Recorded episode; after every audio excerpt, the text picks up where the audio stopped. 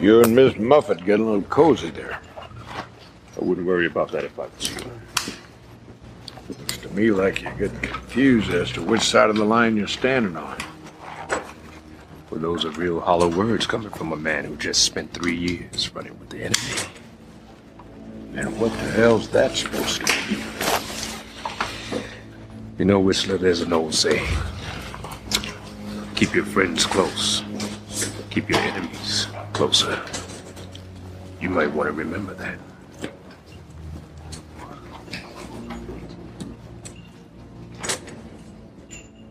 Never underestimate the power of the pussy. One hair off of that thing will drag a freight train up a three mile grade. Amen, brother. Ja, gott folk, det hälsar vi välkomna till veckans avsnitt av Filmsmakarna. Den här gången blir det jultema. Som aldrig förr, eller vad säger du Mr. Voya? Die Hard, eller? Nej, nej, nej, jag pratar om den ultimata julfilmen. Jaha, ja, då måste det vara Blade 2. Precis, precis. Ja, ja. ja, det är ingen annan film som skriker mer jul. Nej, alltså det är ju fel årstid egentligen men samtidigt börjar ju lacka lite mot jul. Jag har sett eh, julprylar dyka upp i butiken och sådär så det, det känns som att vi är på rätt spår. Det sorgliga är att det är ju inte ens ett skämt. Det är ju fan helt otroligt att folk börjar sälja julgrejer i september. Ja, men det är väl förmodligen för att hylla världens bästa julfilm tänker jag. Ja, precis. Ja, fy fan. Ja, ja, men det är en...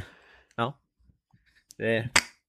Det är... Det är ja, det är lite Du, var- du, var, du var ju själv med och utsåg det här till världens bästa julfilm. Vad, Ja, vad skulle jo. du säga är det som... Alltså hur mycket symboliserar den julen för dig? Ja, alltså det... När, när vad heter det, Blade börjar sjunga rock, rock around the Christmas tree, eller då, vad heter det, liksom, då vet man ju att julen är här, så att säga. Ja, när man hör Mr. Jeremy skrocka i bakgrunden. Ho, ho, ho. Ja, precis. Ja, nej, men det är väl lika bra att börja tidigt. Börja julen tidigt. Så att säga. Det tycker jag. Och en annan man som har varit med och röstat fram den här filmen till den bästa rocksångaren genom alla tider. Carl F. Nilsson.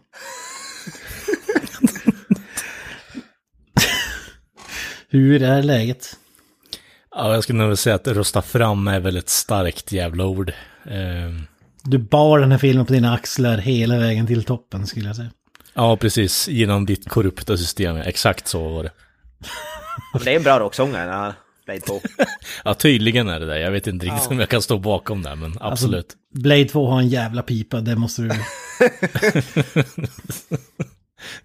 Är det karaktären du syftar på då, eller heter han Blade 2? För det står bara Blade i eh, creditsarna.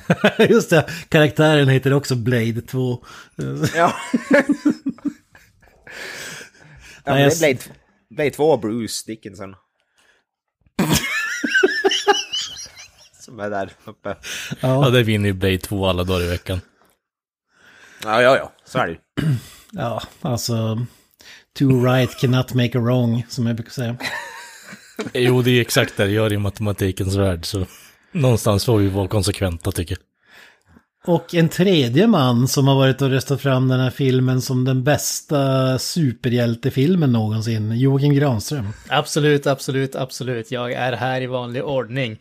Och självklart är det ju bara så att när det kommer till superhjältar finns det ju ingen som är bättre än Blade. Det säger sig självt. Och i synnerhet så Blade är ju en bra superhjälte, men Blade 2 är den bästa superhjälten.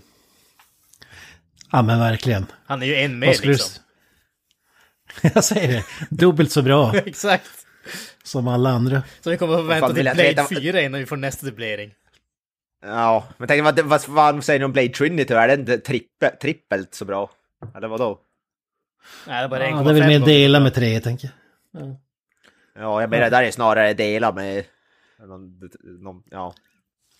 Jag ska inte, jag ska inte, när vi spelar in det här har jag fortfarande inte tagit del av Blade Trinity, så jag väntar med mitt uh, omdöme. Det kan bli 10 av 10, det kan bli 1 av 10, det kan bli 10 av 10. Ja, ja, jo, precis.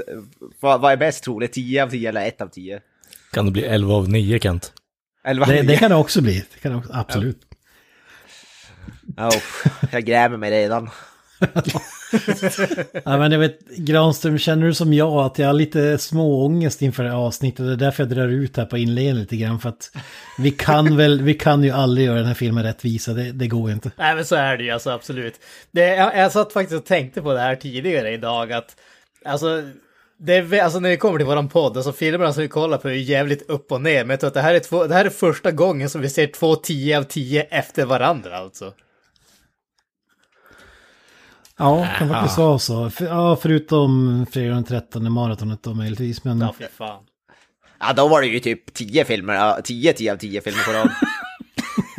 Alltså, att man det påstår var väl att bara eh, du som Jason to dessutom. Manhattan är 10 av 10, då har man fan något Jason fel Ghost, alltså. Jason Ghost of Manhattan är ju... Ja, du, du har rätt, den är 11 av 10, så det där är ju... Ja, men så är det ju. In the eye of the beholder och så vidare. Och eh, pa- part 5 som är, som är Granströms favoritfilm då såklart. Den absolut bästa i hela serien, tveklöst. Ja, för fan. Ja, det är sjukt. Det kan vara de bäst bisarra avsnitt vi har gjort i det- den här poddens historia. Jag, jag måste gå tillbaka och lyssna på det där avsnittet. För jag, jag, jag vet att jag har sagt det, men jag kommer inte ihåg någonting om filmen. Men det var ju uppenbarligen bättre än de andra, så jag menar. ja. ja, det är ju tydligt det. Fan. Ja. ja, vi får se vad ni säger, men vi hade ju, jag blev lite chockerad när en eh, lyssnare hörde av sig. Jag hade kollat på Blade 1 och 2 inför, för att tagga upp inför våra poddar och meddelar att eh, tvåan hamnar efter ettan i betyg. Men då ska vi säga att den här personen har gjort ett korståg mot filmen Mindhorn.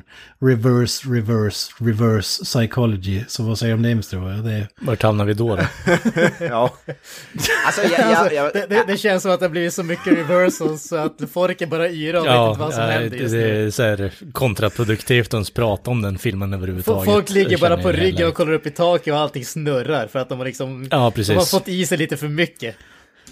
Alltså, den, här, den här människan gör ju Guds jobb som sagt. Ja, Han, Eller gör Men han alltså, det? jag- Det var ju tr- fyra gånger reversal, så jag vet inte riktigt vart ni är någonstans då. nej, inte jag heller, men jag misstänker att han är emot den. Så det, det, det är den enda slutsats jag drar. Avoya ligger Nej, också men på alltså- ryggen och allting snurrar för en just nu. Vad sa du, den här, den, här, den här människan sa att Blade 1 var bättre? Vad det var Ja. det som var poäng? Alltså, det är fan svårt det där. Jag vet inte var jag ligger där faktiskt. Jag är inte... Det är jävligt svårt för mig. Det är som... Ja, det, det, det är ju som väl pest eller kolera höll jag på att säga. ja jag menar, det, det är lite som Alien och Aliens. De, skiljer sig. Ja, Det är lite samma de är typ av film, men det är ändå en helt annan på något sätt. båda är bra på sitt sätt skulle jag ändå säga. Jag gillar... Det finns... Ja, det är, det är jävligt svårt faktiskt. Det är- Skurken är ju bättre än Deacon Frost i alla fall. Ja, skurken är bättre, men det finns grejer med ettan som jag tycker är bättre. Vi Ja, kommer, men väl vi, kommer, med. Vi kommer väl in på det, men det, ja, det är jävligt svårt. Ja men vi kan väl spoila det, du har ju hyllat de här äh, CGI-effekterna med blodet när han blir uh, huggen i tu där i slutet. Det är väl det, är väl det. Ja, ja, ja. Ja, men det är ju top CGI. Jag menar, Playstation 2 Ava- som sagt. Alltså, jag, jag måste ju Avatar, säga... Jag måste, Avatar kan ju slänga sig i väggen. ja, men alltså, jag måste ju säga här, jag håller ju fan inte med där alltså. alltså absolut, visst. CGI-effekterna har definitivt åldrats.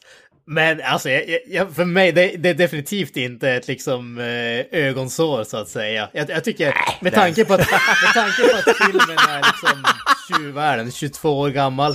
Så måste jag säga att jag tycker CGI håller förvånansvärt bra.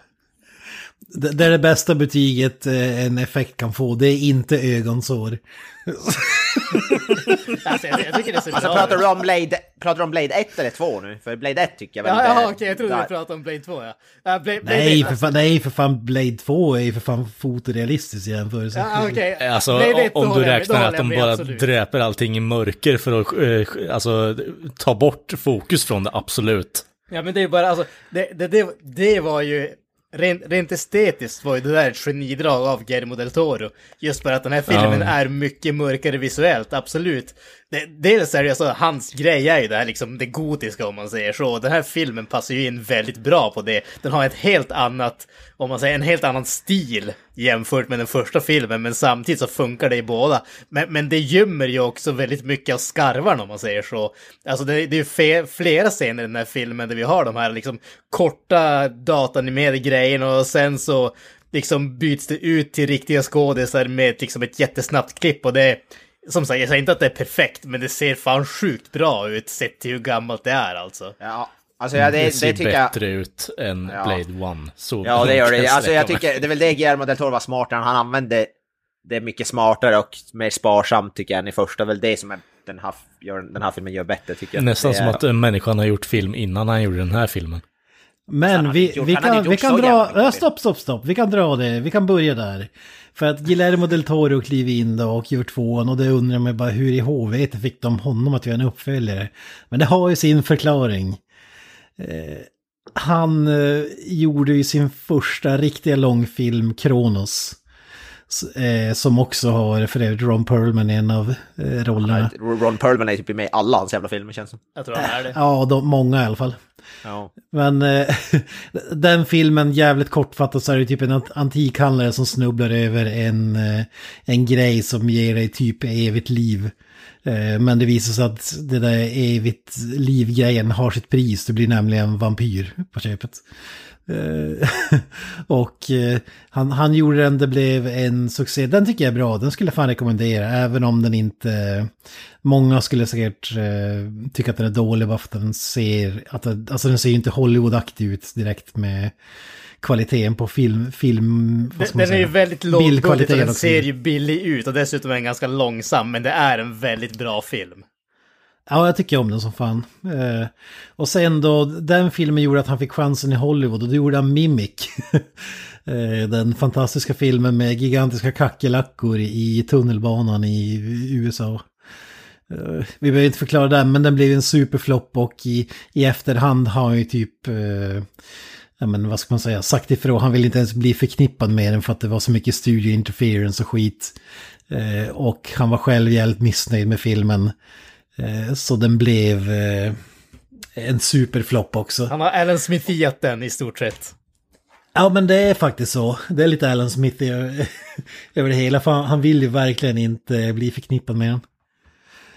Eh, Och då, det var ju det som, som då satte lite käppar i hjulet. Han gjorde även The Devil's Backbone, en, en vampyrfilm, men kanske mer så här eh, en vampyrs bekännelse mer än Blade, om man säger så. Eller, eh, ja, vet inte vad du säger Granström. Ja, men det, typ det är ju alltså, ja, på- sätt och vis är det det, men det är ju också det här, det, dels att den har gått tillbaka till att göra en eh, spansk film, spanskspråkig film, eh, och utspelas, alltså, vad heter det på typ ett, eh, vad är det, typ ett kloster eller sånt där med, eller typ barnhem i någon sån där religiös grej. Så att det, du har ju han som man säger klassiska, eh, om man säger klassiska delar där, men det är ju inte en, alltså än en gång, det är ju inte en Hollywoodfilm. Det är det som är grejen. Det är ju inte, är inte Devil's Backbone en spökfilm? Jag har inte för mig att det var vampyr. Ja men det är mer så här gotiskt. Ja, eh, go gotisk. Men jag, har för mig att det är väl ett spöke, alltså ett vålnad. Det är väl den där typiska vålnaden där det inte är monstret utan det är de andra människorna som är monstren. om jag Jag, jag, minns den, jag minns den som jävligt bra, Devil's Backbone. Det var sjukt länge sedan jag såg men jag minns den som riktigt, riktigt bra.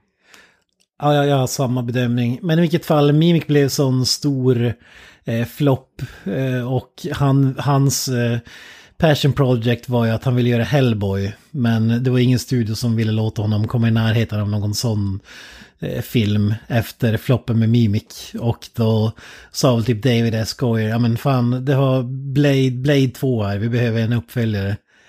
Eh, om, om du gör den här, blir den här en kassasuccé, då, kan du göra, då, då får du garanterat göra vad fan du vill efter det.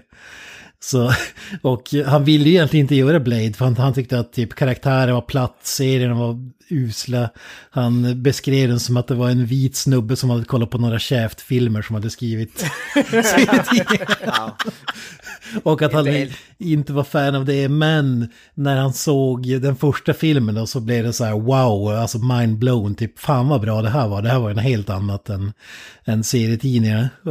Och det är som en gammal känt då att han begärde ut varenda filmruta som hade filmats, alltså allt råmaterial från den filmen. Och så sen då, eh, bara, ja okej, då jag gör Blade 2. Och så tog han med sig då allt som han tyckte var bra från den första filmen så att det inte skulle kännas som en typ Del Toro-film, att den skulle bli helt annorlunda. Men eh, analyserade vart han kunde sätta sin touch. Och det var ju, det är ju mer skräck i den här och ja, några sådana grejer, andra referenser till andra eh, vampyrgrejer och så vidare. Eh, så det var så han Blade 2 hamnades hos Guillermo del Toro, Oscarsvinnaren och så vidare. Ja, stakesen känns ju jävligt eh, högre i den här filmen gentemot första i alla fall. För återigen, skurken är tusen gånger bättre. Vilket å andra sidan är ganska intressant därför att i slutet av filmen, den första filmen, slåss han mot en bokstavlig gud.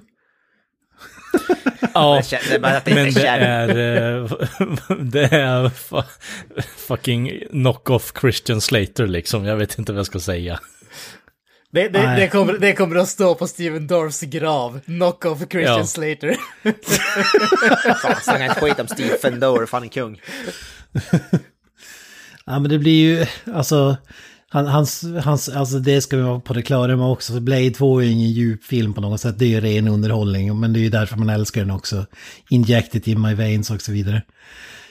Och han, han behöll ju verkligen den delen, men gjorde ändå lite mer intressant. Alltså, jag vet att det är så jävla, alltså den här filmen gör att jag blir så ledsen över att eh, fildelningen blev en grej. Alltså extra material till den här filmen som finns på DVD och Blu-ray och så vidare är så jävla fantastiskt.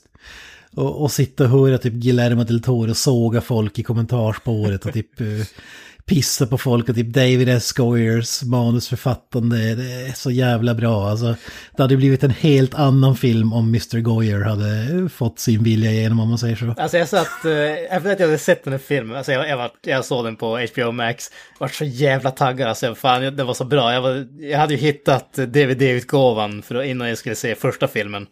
Jag tänkte alltså jag måste fan, jag måste proppa in den och lyssna på kommentarspåret, jag var sjukt taggad. Och då upptäcker jag att jag har fan ingen DVD-spelare, ingen spelare som kan spela Region 1 DVDs just nu. Så jävla surt alltså. Fy fan. Fan, det är bara att ha en eh, PC, min PC, jag kan spela reg alla regioner från fan Taiwan Jag, jag har ingen skivläsare i min PC. Ja, ja men det, kommentar, det finns ju till och med två kommentarspår, men det är eh, när han och, eh, vem fasen är det? Ah, någon producent tror jag att det är, eller något liknande som, det, det är jävligt roligt i alla fall. Sen finns det med massa skådis och sånt där också, det har jag inte lyssnat på, men jag kan dra höjdpunkter från det kommentarspåret. Eh, så Vi ska inte proppa in så mycket trivia, vi har så mycket annat vi vill hinna med här. Men då berättar han, i den här filmen så citeras Gudfadern. Och, och det var ju något som Del Toro a- absolut, eh, han säger att I fucking hated it, sa han. och jag sa redan när vi var, jag sa till David S. Goyer att vi kan fan inte ha med det här, det är pinsamt, vi kan inte citera Gudfadern i Blade 2. Och så, men det, det kommer bra, folk kommer inte märka att det är från Gudfadern, det finns ingen som kommer göra det. Och så bara, ja men alltså jag vägrar. Och till slut då på inspelningsplatsen, den spelades in i Tjeckien den här filmen. Eh, till stor del i alla fall. Och då, då, då, sa, då sa typ David S. Goyer bara, ja men okej, vi tar in fem personer här då. Eh, som inte har någon koppling till alltså, manuset eller sådär. Och, och om, om, de, om alla de eh, känner till att det är från Gudfadern, då stryker vi det. Annars är det med. Och så bara, ja okej. Okay. så säger, säger Guillermo del Toro.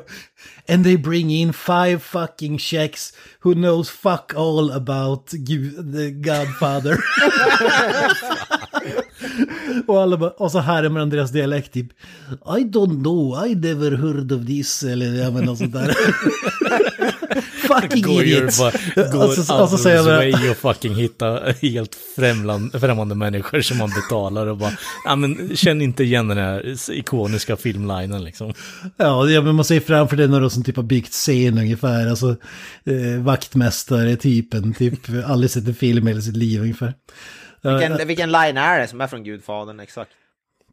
Ja, men jag ska, jag ska bara berätta klart vad han säger. Det, det, var- det var så jävla bra. Så bara, 'Cause I fucking hate it, and I fucking hated it, it's in the movie. And when the movie came out, in every fucking review, they said, okej, de hade mage att citera Gudfadern i Blade 2. Fan, vad Och jag sa, jag sa det till dig din jävel. Vi skulle inte haft med. Det är så jävla bra. Ja, det är kul att få bekräftat redan tidigt eh, att eh, David S. Goyer är aff- hack fraud liksom.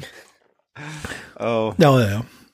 Han har ju sina bra sidor också tänker jag, men det är som Nej, jag sagt nej, tidigare nej, att nej, han, eh, han kan inte släppas loss så att säga. Ge honom inget rep. Exakt. Om du sätter ihop honom med en annan person som kan skriva om allt han har skrivit, då blir det bra. Ja, precis. Kort och drag. Eh, jag, jag minns fasen inte vad repliken var, kommer du ihåg den Granström? Men Är, är det inte den där att... eh, är det inte tragiskt att du inte dör av- dina, blir dödad av dina fiender utan av dina barn och sånt där? Är, är inte det som är från Gudfadern? Ja, precis. För du har ju Ja, i även, slutet där, ja just det, ja. du har ju även från andra filmer, typ eh, Friends, Close but Enemies Closer. Och, Ja, det är Ja, ju sån så där skit. Ja, precis. Wesley Snipes har väl dragit den typ fem gånger själv i olika sammanhang. Han, han är väl hyfsat inne i det. Det känns som att den där, hans storhetsperiod, då var det ju typ ett Sun Tzu-citat i typ alla filmer. Ja, ja men det var ju Han ville, så. han ville vara eh, lite pretto. Nej, Utom nej, Art of War är pretto direkt. Men... Han är pretto som fan. Jag tänker Det att är han var pretto tvungen att visa att han kan faktiskt läsa. Ja, Ja, precis. exakt. Ja. Nej, men det... Ja, jag kan rekommendera extra materialet om man eh, har tillgång till det. Det är fantastiskt. Om man har en region 1 DVD-spelare eller en region 2 DVD så. Ja, Jag är exakt. fan, jag är fan sålt i nu känner jag alltså.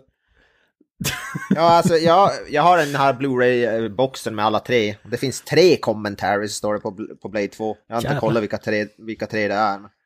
Vad heter det? Goyer var inte man nog och eh, göra en respons på... Eh, Ja, det hade jag hört, velat höra hans, re- jag hade velat höra hans respons på det där.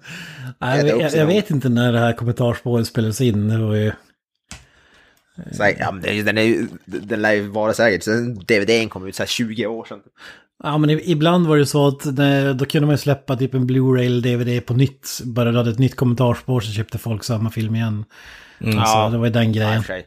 Det, det var ju det jag menar med att fil, fildelen förstört så mycket. Alltså, det, vi, man får ju aldrig något sånt idag. Alltså, när folk... Ja, många DVD eller Blu-ray som, som släpps nu, det är typ bara filmen och så finns det, vad heter det, en trailer kanske och så, så typ eh, subtitles och sen finns det inget mer. Ja, det är typ chapter selection, det räknas som extra Ja, material. inte- det är Interactive så menus. Interactive menus. Vilket den här eh, faktiskt har till viss del. There's a world beyond the one we know, where the powers of darkness fear nothing but one man, Blade. We represent the ruling body of the vampire nation. They're offering you a truce. They want to meet with you.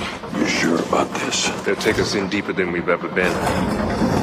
Now, those he has sworn to kill need his help to fight a new breed of terror.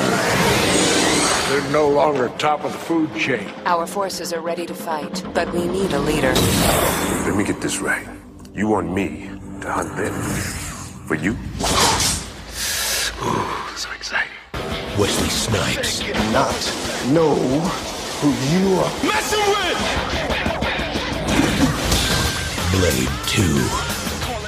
Vi ska som vanligt eh, hoppa in i rolllistan innan vi går igenom om vi har sett den här tidigare. Just det. Ja, då ska jag faktiskt eh, mo- säga, mo, motsäga mig själv. Eh, nu minns jag inte vad fan snubben hette här, men också från kommentarspåret. Eh, den första skurken som är i filmen som torteras i, vid ett motorcykeldäck. Eh, och han är även med i slutet på en strippklubb, då vet ni vem jag menar. Yes. ja, eh, Santiago Segura är du tänker på. Santiago, Rush ja. heter karaktären. Precis. Han sa ju, det var ju typ Spaniens största komiker på den tiden. Ja. Så så han sa bara, ja, ja men tänk, för folk undrar så här, varför är han så mycket i fokus som man inte känner till honom? Det, men han sa, ja men tänk er själva, det är som att eh, på, på den tiden att eh, Jim Carrey eller Adam Sandler skulle bli torterad i början av filmen. Li, li, lika kul var det för mig att se honom bli det. Det skulle vara som, som att de skulle ta typ eh, Robert Gustafsson från Sverige eller något. Ja. the biggest, the best, better than the rest. Han har inte många Hollywoodfilmer på sitt, på sitt CVC på IMDB. Jävla bara spanska plus Hellboy typ och Blade och sen är det bara spanska film. Han var med i Hellboy också. Ja, han spelar eh, Train Driver. Ah, Okej, okay, just den snubben ja. Det är ju Och faktiskt med ganska i många Be- kopplingar till Hellboy i den här filmen. Alltså re- Ja. rent skådespelarmässigt, du har ju Det, dels Ja, är ja, ju ja. Ron Perlman som ju dyker upp, han är ju Hellboy själv. Sen har du båda skurkarna, Carol Roden som är advokaten i filmen. Han spelar ju Rasputin, skurken i första filmen. Luke Goss som är Nomak i den här filmen, han spelar ju Prins eller vad fan han heter, skurken i den andra filmen. Jaha! Mike Mignola, han var ju med och gjorde typ eh, storyboards och någonting för den här filmen också. Han står typ som, uh, fan är det, typ visual, någonting visual eh, artist eller någonting åt det hållet i after credits-texterna. Så att, eh, och givetvis uh, vad- Guillermo del Toro regisserar ju Hellboy-filmer, så Ja. att eh, det är många kopior coolt. där. Jag, jag visste faktiskt inte att det var uh, Nomax spelar Prince Noir. Det är fan... ja, eh, Jag älskar ju Golden Army. Prince Noir, den, den vill jag, alltså, jag tycker han är jävligt bra skull. Och Nomac också då för Ja. den delen. Så det är fan coolt att han spelar, som samma person. You will remember why you once feared the dark. Mm. Så jävla badass. Ja, Nomac gillar jag som Nomac är jävligt bra skull. Ja. Sen har vi även, vad heter det? Jag tänkte säga Thomas Kretschmann, men han är inte med i någon annan Del Toro-film. Nevermind. Men i vilket fall, de, vi, vi gick igenom dem i ettan och det är många som är Snipes inte minst, Chris Christopherson, Ron, Perl, Ron Perlman var inte med i första. Nej. Nej, nej, nej. Inte med. Ryan Hart spelar episk eh, figur i Ja. den här filmen. Kung. Hans, vad heter det, hans eh, samspel med Wesley Snipes är en av mina favoritdelar i filmen. Alltså. Deras back and forth är jävligt underhållande. Minns jag fel eller? Nej, just det, det kanske var Michael Rooker som var med i Walking Dead tillsammans med Norman Reedus. Det var inte Ja, Ron det är Perlman. Michael, nej, det är Michael Rook. Just det. Ron Perlman var ju med i Sons of Anarchy, var ju hans serie. Ja, Sons of Anarchy var det, just det. Mm. Och förstås spelar Hellboy i Del Toro-filmerna och... Ja, ja. Så. Ja. Ge- Med i alla typ, Del- typ alla Del Toro-filmer i stort sett. Ja, ja men det är typ så. Jag älskar Ron Perlman. Ja, fantastiskt. Framförallt när han var lite yngre så här, alltså innan han blev... Han är så jävla gammal i Sons of Anarchy tycker jag. Men... Jag trodde du skulle säga Hell- innan han började se ut som den förlorade länken. Exakt. det var lite så. Han var väl även med i någon Uwe Boll-film där, eller någon det han Kingdom of i Heaven. typ eller eh, de här, eh, vad heter det, King, alltså King, vad heter det, Siege? Ja, Dun- Dun- Dungeon Ja. Siege, ja, det just det. Är King någonting. Hans eh, stol, största stolthet i karriären, så att säga. Han är ju... Äh, Ron Perlman är alltid bra. Jag älskar Ron Perlman. Ja, alltid. och sin favoritskådis och förstås Norman Reedus, Boondock Saints, eh, Walking Dead och så vidare. Daryl Dixon. Ja, Hideo precis. Kojimas Death Stranding-spelet. Hans mag magnum opus. Ja, just det. Äh, äl, älskar dem som skådis. Eh, cigar... Fan, Cigarette Burns, icke att förglömma. Ja, Cigarette Burns, fan också. Alltså, där har vi, där, det är en som, som jag hade velat göra ett avsnitt om. Några, I alla fall några avsnitt av den där serien, vad heter den? Uh, ja, den kommer jag bort. Det är ju en, Masters är of en serie. Horror heter Masters of Horror, ja precis. Masters of Horror. Cigarette Burns framförallt, det är sjukt jävla bra. Ja, ja, här var ju on top of the world för mig. Både Boondock Saints och Blade 2. Det, det blir inte så mycket bättre. Man har håll, hållit honom kär sedan dess. Ja, Norman Reedus är bra, jag gillar han också. Thomas Kretschmann har du varit inne på. Vad, vad kan man säga om honom? Thomas Kretsch, vad fan, ja det var Das Boot. Ja, det skulle jag säga att det är väl det som är han, den stora grejen. Eh, han dyker väl upp lite här och var. Jag för mig att han är med i någon av Resident Evil-filmerna som snabbast. Eh, Apocalypse. Mäktigt.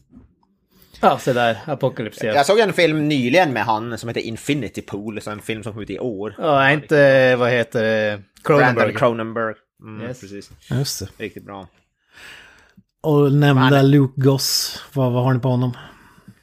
Det var ju som vi sa, Prince Noir då, fan. Prince Noir är ju också en av hans toppskurkar när det gäller alltså bad guys i superhjältefilmer. Jag tycker Prince Noir är jävligt badass. För mig också- är han ju Jason Statham-ersättaren i Death Race 2.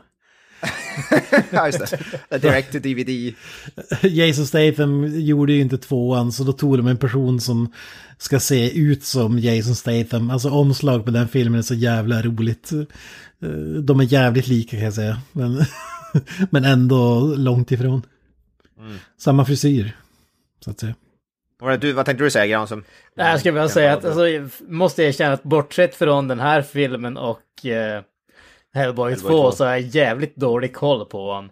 Ja, jag har inte sett Alltså, jag, har sett, eh, han var tydligen med i Tecken-filmen som kom och inte var speciellt Ja, bra. det. Spelar Steve Fox där tydligen. Eh, Jag har typ inget minne av att han var med i den filmen. Så att, alltså, för mig så är det ju de här två filmerna som man är förknippad med måste jag säga. Och en ikonisk skådespelare, Donnie Yen, Kalle, Ja, måste jag ha Donnie en relation till. Ja, absolut. Eh, underbar. Han har eh, världens bästa replik i filmen. Oh wait. Nyligen var med i John, eh, John Wick 4 var han ju. Och så såklart Ip, Ip Man. Och Ro, Rogue One och så vidare. Jag tror att Highlander Endgame var hans första Hollywood-rulle va? Oh, det är fan, det, det är status. Innan Blade 2. Två legendariska rullar. Highlander, Highlander Endgame är fan kung. Ja, Vad kan folk vara, vad är är det Ip Man kanske som... Ja, Ip Man är Ip Man, väl hans... är, Ip Man är väl hans stora grej. Eh, det, det vart ju som en hel serie, vad är det, tre eller fyra filmer där. Eh, Men sen så han, alltså, han har ju gjort en jäkla massa alltså, riktigt bra Hongkong actionfilmer. Eh, Iron Monkey är ju en klassiker. Vad heter Ja, just det. Once upon a time in China, det kan ju upp i med, med Jet Li. Eh, han har ju även varit med i eh, Shanghai Nights med Jackie Chan. Eh, SPL där han har en av de fetaste actionscenerna, så där slutfighterna med Sammo Hung. Så att han har ju varit, alltså han har ju gjort hur många riktigt, riktigt bra filmer som helst. En av grejerna som jag tycker om med han, nu börjar jag prata om annat här, men speciellt om man säger efter att han hade börjat, efter alltså typ 2000 ungefär, han har ju sagt också att han blev, eh, han blev mer liksom inspirerad, hans fight-koreografi, för han har ju jobbat mycket som koreograf också, alltså inte bara som skådis. Eh, att hans koreografi blev mycket mer inspirerad av just eh, MMA och grappling och liksom brottning och sådana saker. Så att ja, han har en annan stil jämfört med många andra Hongkong-koreografer som är med i det här klassiska wushu-stilen om man säger så. Eh, Så att jag, jag tycker det, när man kollar på hans filmer som har kommit efter det, alltså, då, det, man får den här känslan av att sakerna träffar på riktigt om man säger så. Vilket, även om jag tycker att eh, Hongkong action ofta ser jävligt coolt ut, så är det ofta att det är lite för flytande och lite för lätt och sånt där. Det är inte så mycket tyngd i det. Han tycker jag har fått den där perfekta avvägningen mellan snabbheten liksom det flytande, men även ha tyngden i koreografin tycker jag. Ja, det är Han är faktiskt bra- en, en kampsportsfavorit. Framförallt på, alltså i modern tid. fo- Folk som inte är 60 år gamla och så vidare. Ja. Och han är bra på, han är bra på att spela blind. Ja, ja det, det gjorde han väl i Star Wars. eh. I Star Wars, Rogue, One och, och, i- och i John Wick Chapter 4 är han blind också. Alltså det, det som inte alla vet är att John Wick Chapter 4 är en prequel till Star Wars Rogue One. Ja, precis. In the galaxy far, far away, John Wick 4. Ja, fy fan vad glad jag blev när man fick veta att han skulle kliva in i Star Wars-universumet. Alltså det var fan fint alltså. Ja, han är jävligt badass. Är det någon mer vi behöver nämna? Kan vi bara för... Tony, Cur Tony Curran känner jag igen, han som spelar Priest. Han är någon, vad heter det? Jo, han är en skotsk eh, skådis. Jag vet inte var jag känner igen honom från. Exakt, men jag vet att jag har sett han i någonting. Han är väl jävligt är- lik snubben som är med i The Crow, men jag tror inte att det är väl inte samma snubbe. Men deras eh, utseende och... eh, Han är med i Daredevil-serien bland annat. Och ja, och Sons of Anarchy, ja men okej, då är det någon av där man har sett honom. Alltså, Han är med i jävligt mycket serier som jag har sett. Så det är där man känner igen honom. Alla i den här Blood Pact i den här filmen är ju fan minnesvärda trots att man, in, man in, har ingen aning vilka skådisar det är och sådär. Men Nej. och han som spelar med Storhammar också, Lighthammer. ja, Ja, precis. Kä- Känner att jag vill nämna också bara som snabbast Leonor Varela som eh, Nissa Damaskinos också. Eh, som även dök upp i några avsnitt av eh, Arrested Development och sen blev utbytt mot eh, Patricia Velasquez. Eh, men jag tycker hon är faktiskt gör, gör en bra insats i den här filmen tycker jag också. Hon har ändå lite pondus tycker jag. Mer, mer alltså, hon är ju där för att vara snygg, det är väl ingenting att hymla om. Men jag tycker ändå att hon har lite mer pondus än man, vad man förväntar sig av en sån roll eller sån karaktär i alla fall. Ja. Hon förstår ju ingenting. Ja, och sen kan vi bara, bara för snabb... förstår det. Det, det är det bästa, det är den bästa kritiken man kan få. Ja, du Ja, förstår ja, ja. ingenting i alla fall. eh, man kan ju nämna också eh, Matt Schultz som Chupa bara för att han är med i åtminstone den första eh, vad heter det, den första Fast and the Furious-filmen där han eh, eh, hamnar i bråk med, vad, vad ska han heta? Paul Walker eller vad han nu heter i början av filmen där. För att han beställde sin tuna sandwich eller hur det är. Han är ju med, han är ju med i första Blade också ska vi ju säga. Ja, just det. Spelar någon, jag kommer inte ihåg han, men han, han spelar en karaktär som heter Crease. Tydligen. Jag vet, jag kommer inte ihåg karaktären överhuvudtaget. Men tydligen så är han med i ettan. Och Transporter är han med i. Status. Ja. Men Blade 2, har vi sett den tidigare och så vidare? Mig och Gran så behöver man knappt fråga, men vad säger du Kalle? Jo, men den här har ju setts innan kan man väl lugnt säga. Det var väl i samma veva som eh, man såg första filmen så blev det ju någon form av eh, maraton för sexan brukar ju vara så eh, gulliga åtminstone när det kommer till sådana här typer av filmer att de visar dem back to back. Och eh, var väl en underbar eh, kväll där planeterna låg, eh, planeterna låg i en och samma linje och så vidare. Så jag har sett den innan kan vi väl säga. Din brinnande buske så att säga. Ja, precis. Det är jag och Moses vet du. Det var det när Moses, vet du, när han såg den brinnande busken, det var då han såg, alltså Blade 2 såg han ju i den här busken. Det var Ja, som fast det var, vision. busken var egentligen ett eh, lik liksom från en vampyr. Så. Ja, ja, ja, det är ju klart. När det du, vet när du väl alla. kollade in i elden såg du bara Wesley Snipes ta på sig solglasögonen och vända sig och gå, gå därifrån. Ja, precis. Och ta på sig byxorna och sen gå därifrån. Fan. Man kanske också ska nämna att eh, Marco Beltrami har gjort eh, scoren förresten. Eh, Vem? han, han är ju li- han är lite, han är lite, vad ska man säga? Resident Evil. Ja, men så här skräp, skräpfilmer brukar han... Ja, eh, vem? Eh, Alltså, jag, där, där håller jag inte ja men så här. Mimic, eh, The Faculty, eh, Scream Fan, 3, Halloween H20! H20 för fan! Dracula 2000, eh, Halloween Resurrection inte minst, Ja, Terminator Scream. 3, Hellboy, du, du säljer mig inte riktigt på den här människan. Fan, han har gjort så jävla mycket bra. Scream-filmerna har han gjort. Halloween H20. Alltså det är ju bara Hellboy. Om jag hade varit en känd kompositör då hade jag haft, velat ha hans karriär alltså, så är det ju bara. Ja, för fan han har ju gjort så jävla Ingen, mycket. ingen pretentiös skit utan bara the real Nej. shit. ja, precis. Fan, Alien vs Predator-scoren, fy fan vad magisk. Bland, bland det bästa Men som fan, han har ju fan, han har ju fan en, han har ju fan en stabil. Han, har- Men han, gjort han, han är jävligt faktiskt, mycket. Han är faktiskt rätt känd om man ska vara seriös. Ja, ja, ja. Eh, Han är ju inte topp tre i Hollywood så att säga, men... Alltså, Alltså har man jobbat på Halloween Resurrection, liksom, då, då har man min respekt. ja men så är det ju. Vi ska se här. Han har en, två, eh, eh, eh, eh, eh, tre, eh, fyra, fem, sex, sju stycken eh, scores som han har blivit eh, bortplockad på. Eh, rejected. Vad fan betyder Det fan... Nej, vi tar någon annan här istället. har ingen aning. Jaha, det menar så. Han har ju även jobbat på spelet Fortnite, står det. Ja, han är stabil CV alltså. Ja, ja. eh, Triple X2 också. Alltså vi kan fortsätta hur länge som helst. Ja men en, en person, lite kult, eh, kultfigur ändå får man säga. The Crow Salvation. Ja, Inte jag original menar det, Crow. det är bara the good shit alltså.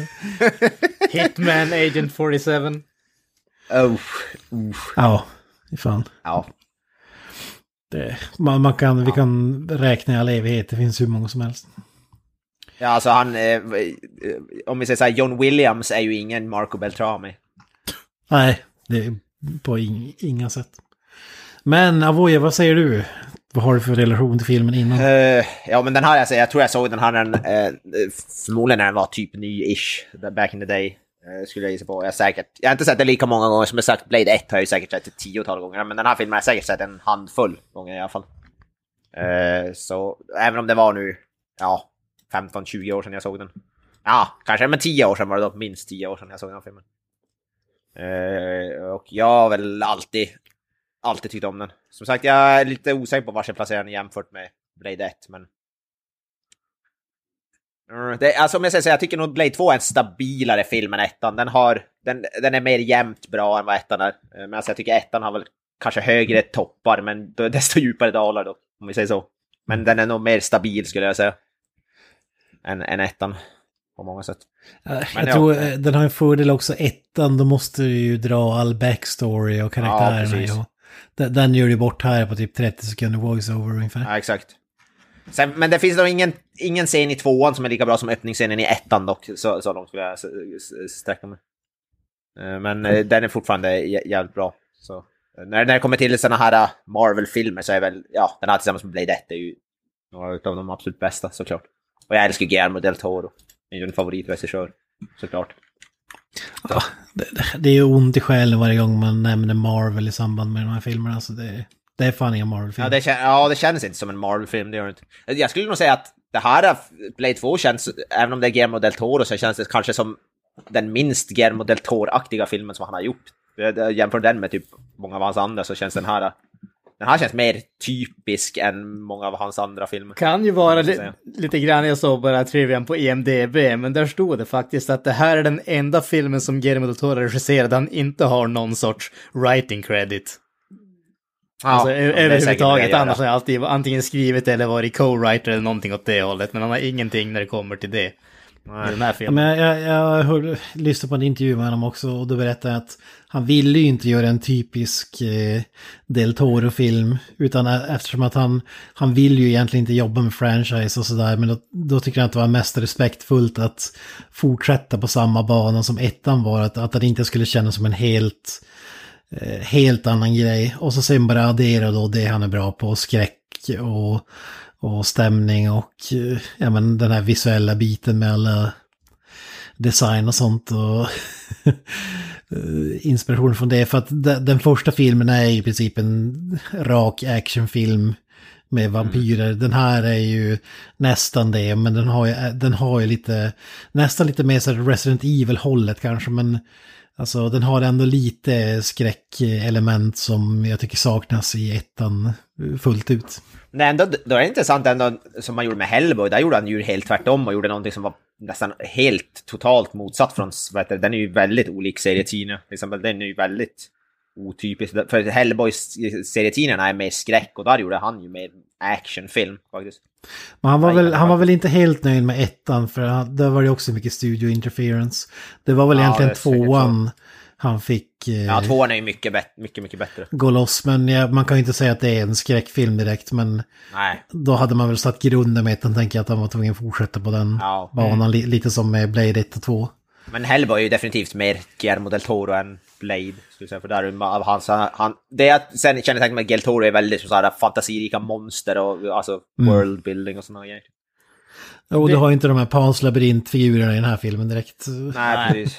Men, men det känns... Synd, det, det vill jag säga. Alltså det, jag tror att på sätt och vis hade det väl, det hade varit coolt att se, men jag tror inte riktigt att det hade funkat. Men som du säger Kent, alltså just det att de hade lagt grunden och kanske liksom satt lite begränsningar till vad som, vad som kan göras i det här universumet om man säger så. Alltså en av, en av grejerna som är så kul att se just när det kommer till hans egna filmer, det är ju just att se hans fantastiska skapelser.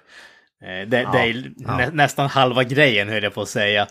Eh, Och det, eh, utifrån det perspektivet kan jag ju absolut förstå att han, liksom, han vill inte arbeta i det som någon annan har gjort bara för att det begränsar vad han själv kan göra. Samtidigt så känns det, jag, jag ska inte säga att jag vill se han göra mer franchises, men jag tror att, eh, alltså, nå- någon som, nå- någon med hans touch om man säger så, någon som har, för han har ju ett, ett riktigt, riktigt bra visuellt öga. Eh, och jag tror att, eh, men samtidigt har liksom talangen att göra karaktärsdrivna liksom, saker också. Jag tror att hans talanger är någonting som väldigt många franchises skulle behöva mer av. Eh, så att, men. Det är därför eh, mycket det som gjorde, även om Hellboy-filmerna inte är speciellt trogna serietidningar så är det fortfarande jävligt bra filmer. Ja. Och, och det är just på grund av det du säger. Ja, och sen även om man inte har writing credits på så sätt så har han ju tvingat igenom de bra bitarna i manuset kan man ju säga. Det, det har ju både han och David S. Goyer eh, pra, pratat om, men bara den här konflikten med skurken och Eh, med hans farsa och så vidare. Och det här med Ron Perlmans karaktär och Wesley Snipes, att man eh, sätter upp det för att de ska liksom gnabbas hela filmen och hata varandra. Alltså sådana enkla grejer som, eh, som inte gör den bara en platt actionfilm så att säga. Men Granström, vågar jag ens fråga hur mycket den här filmen har betytt för dig? Oh boy, here Den, we den, den har go. format hela mitt liv. Alltså det, det här är ju en... Jag, skulle, jag tror att det här är den enda filmen som jag faktiskt har eh, sett på bio i Luleå av alla ställen. Eh, Den, klart. eh, den vad heter av någon jävla anledning så visar den inte på Sveriges bästa biograf, Bio 3 i Piteå alltså. Så att jag var tvungen att tvinga med farsan att skjutsa mig till Luleå för att se den här filmen alltså. Eh, och eh, jag, jag måste ju säga att jag var ju helt såld från första början alltså. Alltså jag, jag kommer fortfarande ihåg liksom, när, alltså öppningsscenen, när man sitter där, liksom man sitter där i stolen och man, man, alltså man liksom förväntar sig just den här discoscenen, man tänker att okej, det var så första filmen kommer att öppna, vad kommer vi få nu? Och så får man det här liksom ganska lågmälda, vad heter det, man får den här lågmälda öppningen med liksom en snubbe som bara sitter och hostar och går in och ska liksom lämna blod. Och man tänker, jaha okej, det här var liksom, det var extremt lågmält. Och så sen så får vi den här liksom korta, vad heter det, actionscenen, vad ska kalla det, när han bara biter de där snubbarna och kastar snubben i väggen, ser ut som en liksom cartoon ungefär. Och då sen så klipper vi till Blade när han jagar de där snubbarna. Och specifikt det här hoppet som han gör, alltså när han liksom, de andra snubbarna halkar ner för den där stegen, han bara hoppar. Och så mitt i allting så liksom får den där kameravändningen, att den vänder sig från att vara bakom han till att vara under han till att liksom åka ner igen när han landar. Och liksom han snurrar upp och skjuter snubben i ryggen och han bara liksom exploderar som vampyrer gör när de blir slutskjutna. Alltså det, öppningen på den här filmen, även om jag kan hålla med Avoya, det är inte lika ikoniskt som discoscenen i den första filmen. Men det här är fan inte långt bak- bakom alltså. Jag älskar verkligen den här öppningen. Men- Men Ja, den är ju mer lågmäld och mer skräck. Så den, Ja. på det sättet är den, alltså det, de är ju bra på olika sätt skulle jag väl ändå säga. Nu känns det här som att det kommer lite avsnitt där jag refererar till kommentarsspåret hela tiden. Men han, han, han sa ju det att eh, de övervägde det, men han tyckte att det i första filmen, då bränner du allt krut på en gång. Alltså, skulle vi börja med en liknande scen eh, så det, det är svårt att ta det vidare därifrån. Du kommer ju aldrig... Eh, så därför valde han att spara på krutet och eh, ja, men typ klippa om filmen lite grann och börja med det här långsamma och så sen typ får vi en sån här... Eh, alltså den är inte episk på något sätt. Den, alltså den är, den är lite cool sådär men när han kastar batterangen och så vidare. På de motorcykelgrejerna innan de kommer ut. När de kommer in i det här varuhuset eller vad fan det är, det är ju 10 av 10. Men innan det är det lite så här slentrian. Och han, hans motsvarighet till discoscenen är ju House of Pain eller vad den heter. Eh, Eller som man kallar det, I, I, I want it to be a place where you can drink a human in peace. Drink a human. och så jävla- och där, där inne blir det ju slakt då på, på ett annat sätt. Så, men det tycker jag ändå känns bra för att jag avskyr uppföljare där det är exakt samma film. Skillnaden är bara att det är ännu större och ännu värre och ännu högre ljud ungefär. Men, alltså typ eh, hjälten möter en större version av antingen skurken eller sig själv. Eh, de filmerna hatar man ju. Det är ju så jävla platt. Så, så därför tycker jag ändå att man hittar någon annan väg i den här så att säga. Ja, men det, det håller jag definitivt med om. Alltså just bara det här att...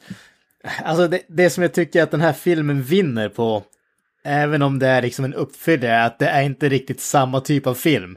Alltså precis som du sa tidigare, att det är liksom det är Alien jämfört med Aliens. Det, den här filmen, där, det, där känns det ju som att den här, den här filmen har egentligen vänt på det. Den första filmen var mycket mer action. Den här filmen är det ju betydligt mer skräckelement och det gör ju också att hela tonen blir lite annorlunda och sådär. Men jag tycker verkligen att de har, alltså den här mixen mellan action och skräck tycker jag att den här filmen har lyckats egentligen nästan bättre på än någon annan film som jag kan tänka på på rak hand i alla fall. Ja, och sen är det det, det kul att du nämnde cartoon också. För att eh, genom hela filmen säger I, I wanted it to be like a cartoon till Bugs Bunny också. så, så vissa delar av filmen är meningen att vara som en liksom tecknad eh, serie. Vad skulle du säga, Boy? Nej, jag skulle bara säga, det har, det man har ju de här äh, varelser, eller de här vampyrerna, nya vampyrerna, de är ju jävligt obehagliga ändå och välgjorda. Tycker jag jämfört med vanliga vampyrer. Vanliga vampyrer, även om de kan vara coola så är de ju rätt, rätt boring i jämförelse. De är ju mycket, mycket coolare. Och eh, man vill ju bara se liksom mer av Nomac och det, det lyfter ju filmen jämfört med ettan. Ettan har ju bara, alltså de det är bara vanliga... Dem, jag gillar ändå att de beskriver dem som crack addicts liksom, för det är typ det de är. Ja, ja men de är, de är ju alltså vampyrvarianten av en crack addict. För de måste ju också föda hela tiden, varje couple of hours för att de inte ska typ deras Måste de föda? Ja, och så vad heter det för att... eh, Feed medan inte birth. Nej, äta. det var det jag tänkte. Ja, det kanske, det kanske de också I gotta pop one out right now, I can't hold it. ah, nu måste jag föda barn. Jag ser. Den var jävligt... Den filmen hade jag sett i och för sig. Det, det är din kink va? Ja, att se Barnafödande. folk föda. Det är därför jag älskar den här filmen med Arnold när han föder barn. Junior. Twins. Ja, Junior. Twin. Junior. Men nej, jag älskar, jag, fan vad jag tycker, bad, alltså det här är en av mina, de bästa bad guysen i någon sån här film. Alltså jag tycker Nomac, han är så jävla cool. Fruktansvärt bra, vad heter han, Luke Goss. Ja, för att det, det är som på rätt nivå också. Det är inte så överdrivet. Ty- Typ som Nej. Jurassic World vill jag ju bara jag, jag vill hopp, hoppa i havet ungefär för att det räcker inte med en typ Tyrannosaurus rex. Nej, vi måste korsa Tyrannosaurus rex med en Velociraptor, en ödla, en fisk, en, ja men allt precis. möjligt skit. Alltså här, här är ändå typ, det är typ zombies blandat med vampyrer ungefär. Ja. De, är olika men ändå inte jätte, jättelångt ifrån. Det är bara att de är svårare att döda ungefär. Och ser lite annorlunda ut. Plus, sen gillar jag den här konflikten typ att eh, ja, men nu måste Blade jobba med vampyrer för att bekämpa ett ännu större hot då, som är de här. Det, det tycker jag också är till filmens fördel måste jag säga. Om jag ska städa av att- kort, var, jag har ju självklart sett filmen tidigare. Jag såg den inte på bio, jag tyckte att det var ett tough pill to swallow att ta sig till Luleå eh, och stödja den biografen. Så jag valde att vänta tills det kom ut på VHS. Och eh, betalade en hutlös summa förstås. På den tiden var det inte gratis med en VHS. Men oj så värt det var när man stoppade in den i, i videobandspelaren och tryckte igång den på min eh, 32-tums tjock-tv som är lika tjock som bred. Eh, det var glorious, det var glorious. Eh, Det Kärlek är klart det bara visar sig i Luleå. Det Luleå, vad heter det, visar ju bara bra filmer, uppenbarligen. Ja, där, måste man faktiskt ge dem. Det är kanske det enda bra Luleå någonsin har gjort, att de visade Blade. Blade 2. förlåt. Fan. Filmstaden över biotean alla dagar i veckan. Nej, nej, nu lugnar vi ner oss. Ja, men jag har ju sett den otaliga gånger sedan dess. Alltså, det går... Det låter tragiskt kanske, men det går typ inte en dag utan att jag tänker på någonting från, från den här filmen. det, är typ på den nivån. Och det är just eh, alltså underhållningsvärde som sagt. Inte den djupaste filmen, inte den mest välgjorda och så vidare. Men den är så jävla kul att titta på att jag, ja, man älskar den bara. Eh, Och den, sen att den har just alla de här temana, jul, eh, drama. Alltså, Ja, så där jultemat, eh, ja. Alltså det, det, enda som är någonting. surt är att det kanske läggs på lite väl, liksom lite väl kraftigt ibland. Man kan tycka Ja. att de skulle kunna dra ner det och sprida ut det lite mer. Istället för Ja. att man får de här liksom, alltså man går från väldigt lite jul till liksom hardcore, nu är fan jultomten där och liksom gör saker med renen ungefär. Exakt, det är inte bara här en julfilm utan här är en julfilm nedtryckt i halsen. Exakt. Det är den, de vibbarna man får alltså. ja men alltså, när Wesley Snipes börjar säga yo ho ho och så, alltså det är ju lite överdrivet. Some yo-ho-hos are always trying to skate uphill. Ja, Ja, det var ju bra upplägg i första filmen, det får man säga, inför den här julspecialen då i två. ja. Får man säga. Blade 2, The Holiday Special och så vidare. Det är väl kanske tv-serien då med Sticky Fingers. Ja, ja fy fan. Nej, men handlingen. Har vi någon frivillig som vill dra den i jävligt korta ord- ordalag? Monotone man. Är det jag? Är det min tur? Ja då. Som sagt, väldigt korta ordalag. Eh, det har utvecklat, vampyr, vampyrism är ett virus och det har ut, liksom alla virus så utvecklas det, det har utvecklats till en ny variant med ännu hemskare vampyrer om man säger så, kallade reapers. Eh, de är så hemska därför att de äter inte bara människor utan även vampyrer, vilket då har gjort att eh, vampyrerna känner sig nödgade att eh, anlita någon som, som kan ta koll på dem helt enkelt, givetvis Blade, så att de ingår i en vapenvila och säger åt honom att liksom, ja, det är ett gemensamt problem därför att när vampyrerna, de här vampyrerna äter väldigt mycket mer än vanliga vampyrer och när det är slut på vampyrer, ja, då kommer de att ge sig på människorna. Så i praktiken säger de att du, liksom, du är inträngd i ett hörn. Gör du inte som vi vill så kommer det ändå bara gå ut över de som du försöker skydda. Och så får vi liksom eh, det här eh, samarbetet mellan Blade och eh, det så kallade Bloodpack alltså, vilket är en grupp av vampyr, eh, vad ska man kalla det, vampyr-assassins som skapades för att jaga Blade.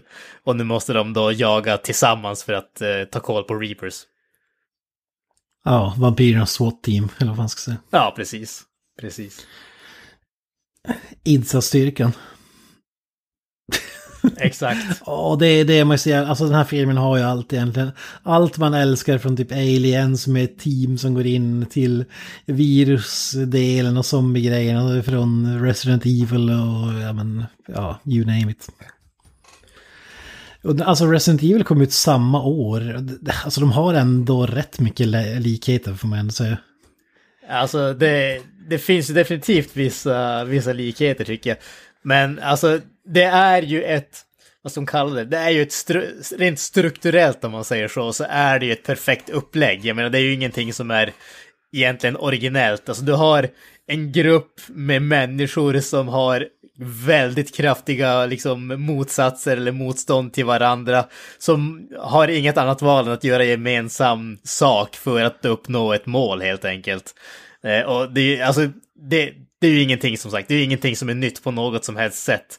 Men det som ju avgör om filmen blir bra eller liksom skit i slutändan, det är ju vad de gör med de här interna konflikterna i den här gruppen. Och det lyckas ju den här filmen med så jävla väl. Det känns som att alla fyller en funktion, alla har, jag ska inte säga att alla har en story där att liksom ge filmen lite väl, det ger David S. Gory lite väl mycket cred. Men, men alla fyller en funktion, alla har någonting att göra, det är ingen som bara blir liksom bortglömd och så helt plötsligt dör de och liksom är bara borta. Så att säga. Så att jag tycker att den här filmen lyckas riktigt, riktigt väl med just den aspekten. Ja, alltså sen kom det en liten våg med så här vampyr-action, typ, jag vet inte, John Carpenters Vampires och alla de där. Som, det var, det, det var good times to be alive, som man brukar säga. John, se John Bon Jovi döda vampyrer var ju, måste ju vara i toppen. ja, ja. Men det var väl eh, James Woods va, som var... Eh, ja, precis. I första filmen. Sen ersattes ja, ja. han av John Bon Jovi när... Ja. Alltså, det var en jävligt dålig koll på John Bon Jovi, men det känns jävligt random att han skulle ersätta James ja. Woods. ja, det är det som är så jävla kul med Jag vet. Se John Bon Jovi i skinnpaj döda vampyrer. Ja, i Mexiko dessutom. Om jag minns Ja, fan vad mäktigt.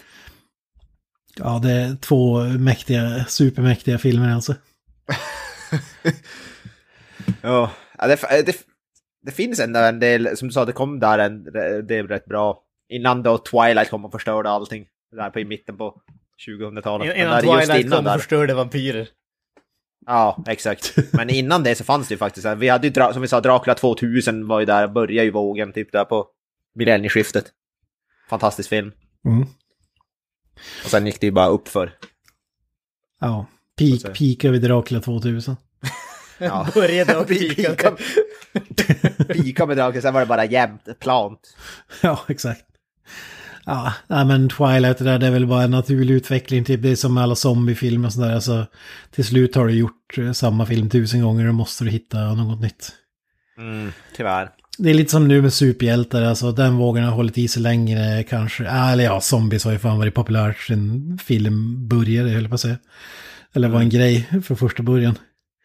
Men då, då ska man göra typ kärleksstories, man ska göra skräckversioner, man ska göra ja, men allt möjligt. Ja.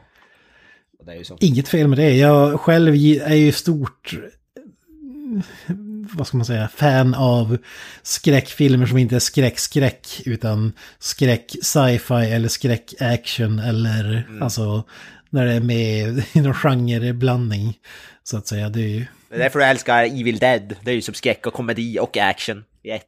Ja exakt, och eh, Evil Dead 3, Army of Darkness som har dessutom äventyr, ja men du kan lägga till alla andra Slapstick. genrer. Ja, Ja, fy fan vad kul. det är fantastiskt. Ja, men jag håller med. Jag gillar också blandning av genrer. Det kan... Uh, Guillermo del Toro är ju en av de som gör det där bäst. Ja. Och det, det är så, känns ju så otroligt fint att Blade 2 blev en sån succé att han fick fortsätta göra filmer och han hade förmodligen gjort spansktalande filmer tills han eh, ja, gick i graven så att säga om det inte hade varit för den här. Det vet man aldrig. Förmodligen. Så Jag det tror- tackar jag för. Ja, nej, det är jävligt tur. Sen så tror jag inte att det hade varit någon, vad ska man säga, katastrof på så sätt. Det hade väl förmodligen gjort fantastiska filmer oavsett, men eh, det är ju trevligt när man kan Nej, han förstå vad gjorde de ju säger. Pans, Pans, lab, Pans labyrint gjorde han ju efter den här och den är ju spansk. Så. Ja, ja. Ja, han har ju inte varit, vad ska man kalla det, han har inte varit liksom blyg med att eh, gå tillbaka till, till rötterna, eller vad man ska säga. Det är ju väldigt mycket som är inspirerat av hans bakgrund, men ja. Mm, exakt så. Eh, Kan man säga något om kulturella relevansen innan vi går in på det? Vi var inne på det i ämnesavsnittet men eh, just det här för superhjältefilmer överlag och sådär att alltså egentligen det blir som fel för att det är ju inte en Marvel-film eller DC-film så den men det är ju fortfarande en rättighet eller karaktären tillhör ju fortfarande. Alltså det är ju en Marvel-karaktär men den tillhör ju definitivt inte MCU. Absolut inte. Nej, det här är ju en riktig film. Alltså, ja, ja, precis. Och den är en riktig film, så är det. ja, men, ja men lite så är det ju. Det, som du, det hade ju aldrig gått att klämma in Alltså, det, det som jag tror, även om det är lite... Jag, jag tror att när det kommer till just den där vad ska jag kulturella relevansen som vi pratar om. Eh, jag, jag tror att den första filmen var mer... Var viktigare där på så sätt. Därför att vi... När den här filmen hade släppts, då hade det ändå börjat komma lite grann. Då hade vi fått den första, vad heter det, första X-Men-filmen. Undrar fan om vi inte hade fått till och med den andra X-Men-filmen. De var ju mer... Det, det var ju inte, vad heter det... Det var, alltså, de, de var ju som mellangrunden till, vad ska man kalla det, vad vi har idag och vad som Blade var om man säger så. Blade var ju någonting som var helt frånskilt från serietidningarna. De tog liksom, de tog karaktären och uppdaterade allting och gjorde sin egen grej. X-Men-filmerna, de tidiga filmerna, det var ju att, ja men du gjorde teamgrejen. Du tog liksom storyn var ändå väldigt, väldigt starkt inspirerad från serietidningen. Du hade grejer som togs rakt av, men du behöll den här äh, 2000 millennie-estetiken om man säger så. Eller gjorde liksom den varianten av de klassiska kostymerna och sådär. Så att den var ju som ett mellansteg skulle jag säga till vad, vad superhjältefilmerna är idag. Jag tror på så sätt att den första Blade-filmen var väldigt kulturellt relevant för att den startade hela superhjältevågen. Men det känns inte att den här filmen hade samma, samma impact eller samma inverkan på samma sätt. Nej, men det kanske ändå gör så här att från att man inte vill röra i superhjältekaraktärer med tång så Hollywood insåg att det går att göra pengar och så vidare. Ja. För den här gjorde väl betydligt större blockbustermässigt succé än första Blade, vill jag minnas. Ja, det måste den ha gjort.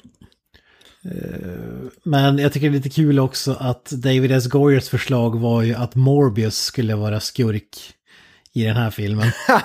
Ja, fan. Tänk er, vad heter det, Wesley Snipes mot, eh, mot Shit Crew. Ja, för fan, tänk om man hade gått miste om den storyn alltså. Ja, fy fan. Jared Letos Shut up and take my... Men det, det jag tyckte var ironiskt att studion satte stopp för att de kanske ville göra en egen Morbius-film. eh, Och ville spara rättigheterna till det så att säga. Och det, det, tog, det hör tog att bara Wesley 23 år, eller vad, 22 år, Ja. 21 år eller vad det blir. Och då fick de ge Höra Jared Wesley. Snipes. Och det- och det var värt väntan, så att It's säga. Mo- Morbin time eller någonting. It's Morbin time. tror, du att, eh, tror du Wesley Snipes hade velat ha en egen shit crew? Eller, han, är, han, är, han, är, vad heter det, han är för stolt för det så han tar hand om sitt eget shit. Exakt. Ja, det är de här Leto som skulle kräva ett eget shit crew, det, det tror jag. Ja, för fan. Ja, kan man begära ett shit crew så gör man ju. Det är ju klart. Men all, all heder åt studion för att Crewet hade ju gått arbetslösa om det inte hade varit... Ja, nej, precis. Han skapar ju jobb. Alltså fatta att utbilda sig till shit crew, vilket jävla Ja, meningslöst. ja, ja, för fan. De har ju gått utbildning. De- De är ju PhD in the in the shit Dubbel, dubbellager 1.0. Vi går kursen toalettpapper, TPing. precis. det, det kanske inte hade stått Scud på Norman Reedus, det hade stått Left Cheek. Eller. Nej, hade stått scat då bara. Scat. Oh. Ja, fan, man går in i IMDB så ser man eh, så shit, shit crew-listan. Ja, Thomas Crash, Stomach, Right pump, Ja. stomach pumper. Ja okej, så om man inte behöver skita så måste de ändå se till så att de kan jobba för dagen och pumpar sönder magen på Ja, ja, ja. Så att han Ja, men om de är hårda i magen så måste vi ha någon som trycker. Och sen någon som, tar i, som någon som tar emot också kan stå och dra. ja, som sagt, magpressen är det mest underskattade crewet.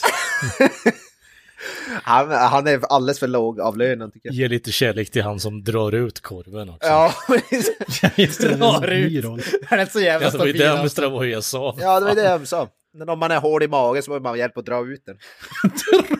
ja, alltså jag tänker, det, det måste vara den hårdaste jäveln någonsin alltså.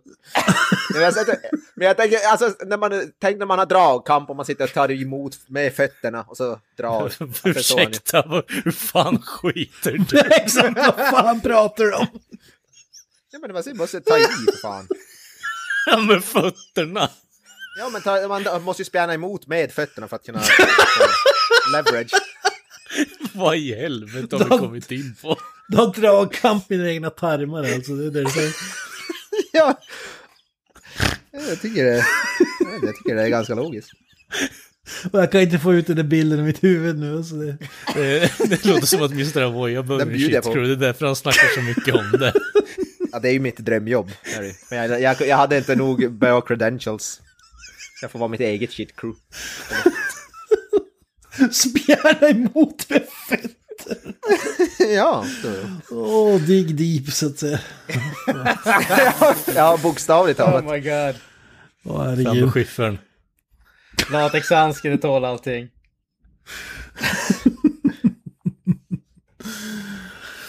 Åh, fy fan.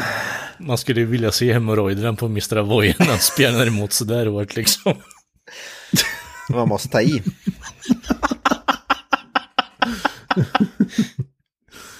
Blade 2. Blade 2. Vet du vad? Vad är det vi pratar om? Ja, det är fan. Vi har inte ens kommit in på filmen, vi har pratat i nästan 70 minuter.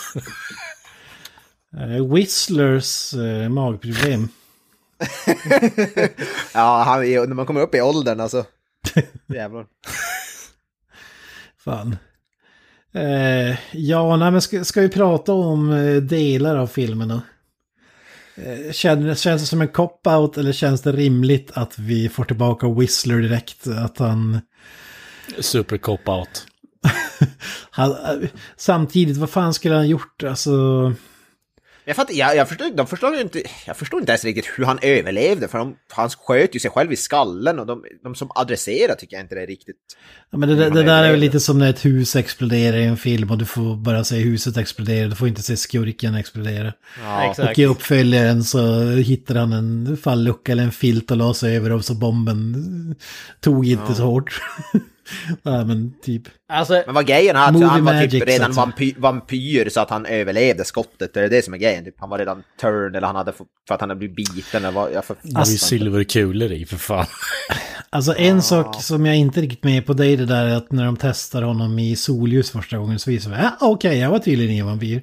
Jag vet, jag vet inte riktigt. eh, Nej, det är sant. Jag gillar att det är jävligt snävt för i scenen efter så säger de bara att eh, själva processen att bli vampyr tar 74, 72 timmar eller vad fan de säger. ja, men var, Alltså, var inte för att vart, eh, Reaper det?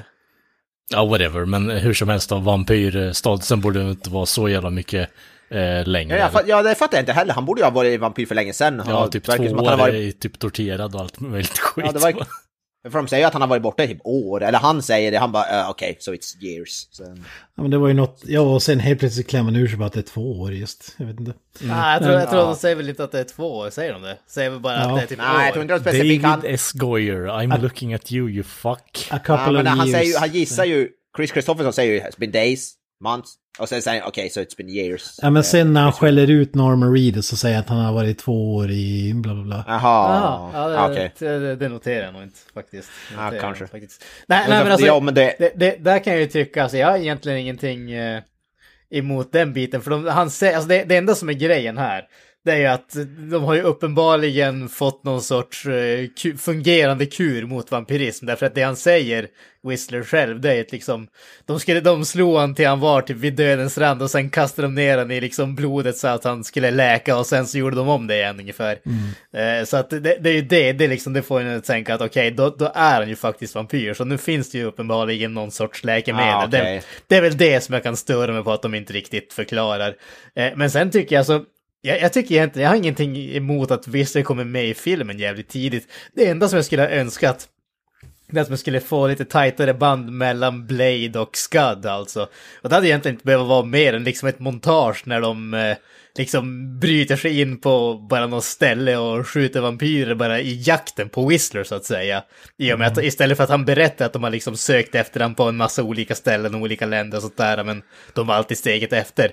Bara att istället för att ha det som liksom att de bara berättade för honom, ja men visa det liksom som någon sorts flashback eller någonting sånt. Så att man får den här känslan att de, de har liksom varit, sam, de har samarbetat ett tag också, så man får lite förståelse för deras förhållande också. Ja, de slänger han, han kommer från, nästan från ingenstans, Scud. Han är bara är där i en scen. Ja. Och så bara, "Hej, okej, okay, Scud. Ja det känns ju som att han är nyrekryterad ungefär. Mm, precis. Så det, det var det. Pryo-elev. Vad sa du, praoelev? Ja, precis. ja, det är ju typ det han är. Praktikant. Whistler Junior. Han är inte lika badass som Whistler dock, sorry to say. Nej, men jag tycker det är bra att karaktären inte bara är en rak kopia, en yngre Whistler så att säga. Och Han, han spelar så hiphop-musik eller fan där och Ja, och röker gräs och håller på med en stor svets liksom. Det är, Men det viktigaste av allt är att han tittar på Powerpuff-pinglorna. det är, fan, det är fan kungligt alltså. På en liten sån här, vad heter det, liten mini-tjock-tv med så här stor antenn på. Ja. Fan, för kung. Svetsar ihop världens farligaste vapen samtidigt som man tittar på fan... Ja, Ja, han, eh, hans stora idol är ju Mojo Jojo liksom. Ja. Jag gillar att han tar ett smoke break och kollar på Powerpuff Pingla. Det är hans sätt att koppla av. det är fan kung. Ja, det är hans me-time så att säga. Ja. Ja, Granström tog ju upp öppningsscenen, så den har vi tagit. Men den måste ju, hålla- den är ju jävligt bra faktiskt. Den här, när man tror när, vad heter det? När, vampyr, när man tror att ja, han ska bli uppäten av vampyrer så är det som snabbt vänder de på det. det så här. Ja, det, jag tycker det är så jävla snyggt där när man, när man från hans perspektiv bara glimtar in i rum där det bara flyter blod över hela golvet och ty- alltså de här grejerna. Och han spelar med, bara, bara, först som att han spelar rädd och så sen vänder det jävligt snabbt och så börjar han bara garva åt. Ja. Det är jävligt badass. ja, jag tycker det är jävligt bra alltså. Ä- Älskar fan öppningen. Jag ty- Och att vi inte Ja. avslöjar allt vad eh, de nya monstren gör så att säga. Jag tycker man kan fan inte eh, säga, alltså, säga för mycket. Man kan, alltså om han Luke Goss, jag tycker han är så jävla bra. Alltså, jag, ja, man kan inte säga nog, jag kan inte säga nog bra grejer om honom. Det faktum att han inte han är mer populär än han är, eh, större skåd, det är fan helt otroligt. Eller om det är Guillermo del Toro som är jävligt bra på att få ut bästa ur skådisar. Vem vet, han kanske suger i ja, övrigt. Ja, men jag tycker ändå att Del Toro är bra på att hitta, alltså som det är mycket karaktärslivet och sådär, och så avgöra vad som är rätt nivå för den Mm. Ja, skådisen. alltså hitta, Ja. alltså han, Det är han, säkert- det är han är med i. Death Race 2, all respekt för den filmen, men alltså det här, det här och Hellboy är väl typ hans livsinsats ungefär. Alltså, Ja, han är sjukt bra. Ja, Det känns ju som att alltså, Del Toro vet vad, alltså han vet vad som funkar om man säger så. Jag tror att det, det är det som kanske är grejen. Det, är inte, det handlar inte alltid om att det är liksom skådespelaren som är bra eller dålig, utan det handlar om att Del Toro vet vad som behövs för filmen så att säga. Jag tror, Det är det som är en bra regissör kan få fram bra insatser ur de sämsta av skådisar i princip. Det måste ju självklart skådisen vara bra, men alltså lite på den nivån är det att det är jävligt lika mycket stor del regissören som ska Ja, hitta han är ju där för att motivera skådespelarna Ja. om de inte riktigt har den motivationen. Ja, precis. Och hitta rätt skådis till rätt roll är ju A och O, säga. Ja, men också hitta de här små grejerna. Alltså, som sagt, eh, när han trycker fast den här bomben i bakhjulet på Ron Perlman till exempel. Och, och så är de fiender resten av filmen trots att de måste jobba med varandra. Alltså, det är så enkel grej, men det, det gör det ändå mer intressant så att säga. Men det, alltså, den här bad guy Nomak, det hade också så lätt kunnat bli over the top. Alltså, det, man hade lätt kunnat tänka sig typ såhär, säg Nick Cage spelar den rollen. Liksom. Även om det hade varit magiskt så hade Jag det kanske inte menar, blivit riktigt samma sak. karaktären är ju väldigt over the top egentligen. Alltså, det är ju väldigt så här...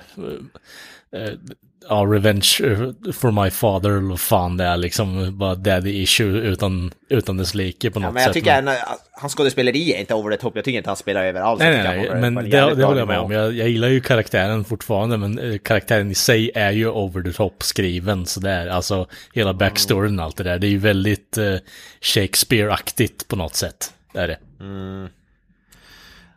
Ja, men jo, jo, det, det är väl em, det där serien. Det är inget negativt alltså, utan jag bara Nej, nej, nej. påpekar att det är, alltså karaktären i sig är väldigt eh, teatralisk. Ja, ja, ja. Ehm, jag... eh, ja. Ha- Hatten, hatten av för Whistler, helt enkelt. För På Whistler. tal om inget annat. Ja, precis. Jag har alltid haft någon till Whistler, men det, är- det är ju... Ja, men jag, jag tyckte det var kul också när eh, Del Toro sa typ att eh, Whistler himself hade ju typ eh, improviserat en massa repliker.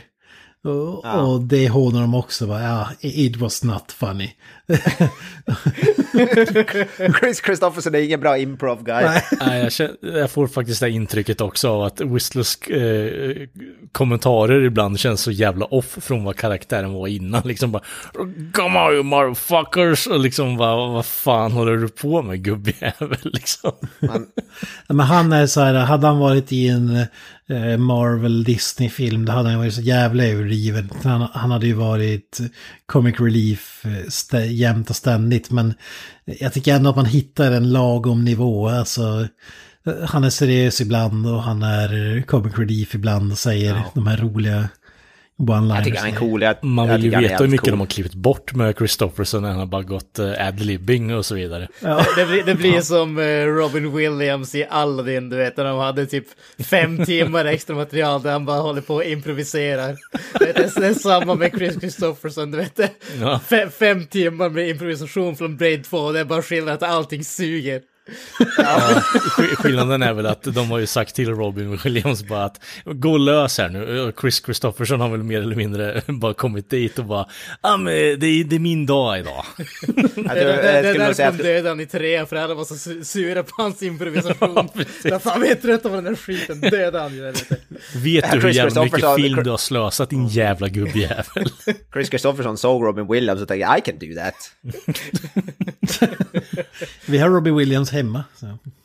Ja. Robin Williams på Wish. Nej men nu ska vi inte prata skit om Chris Christopherson, han är ju gud. Ja, ja, ja.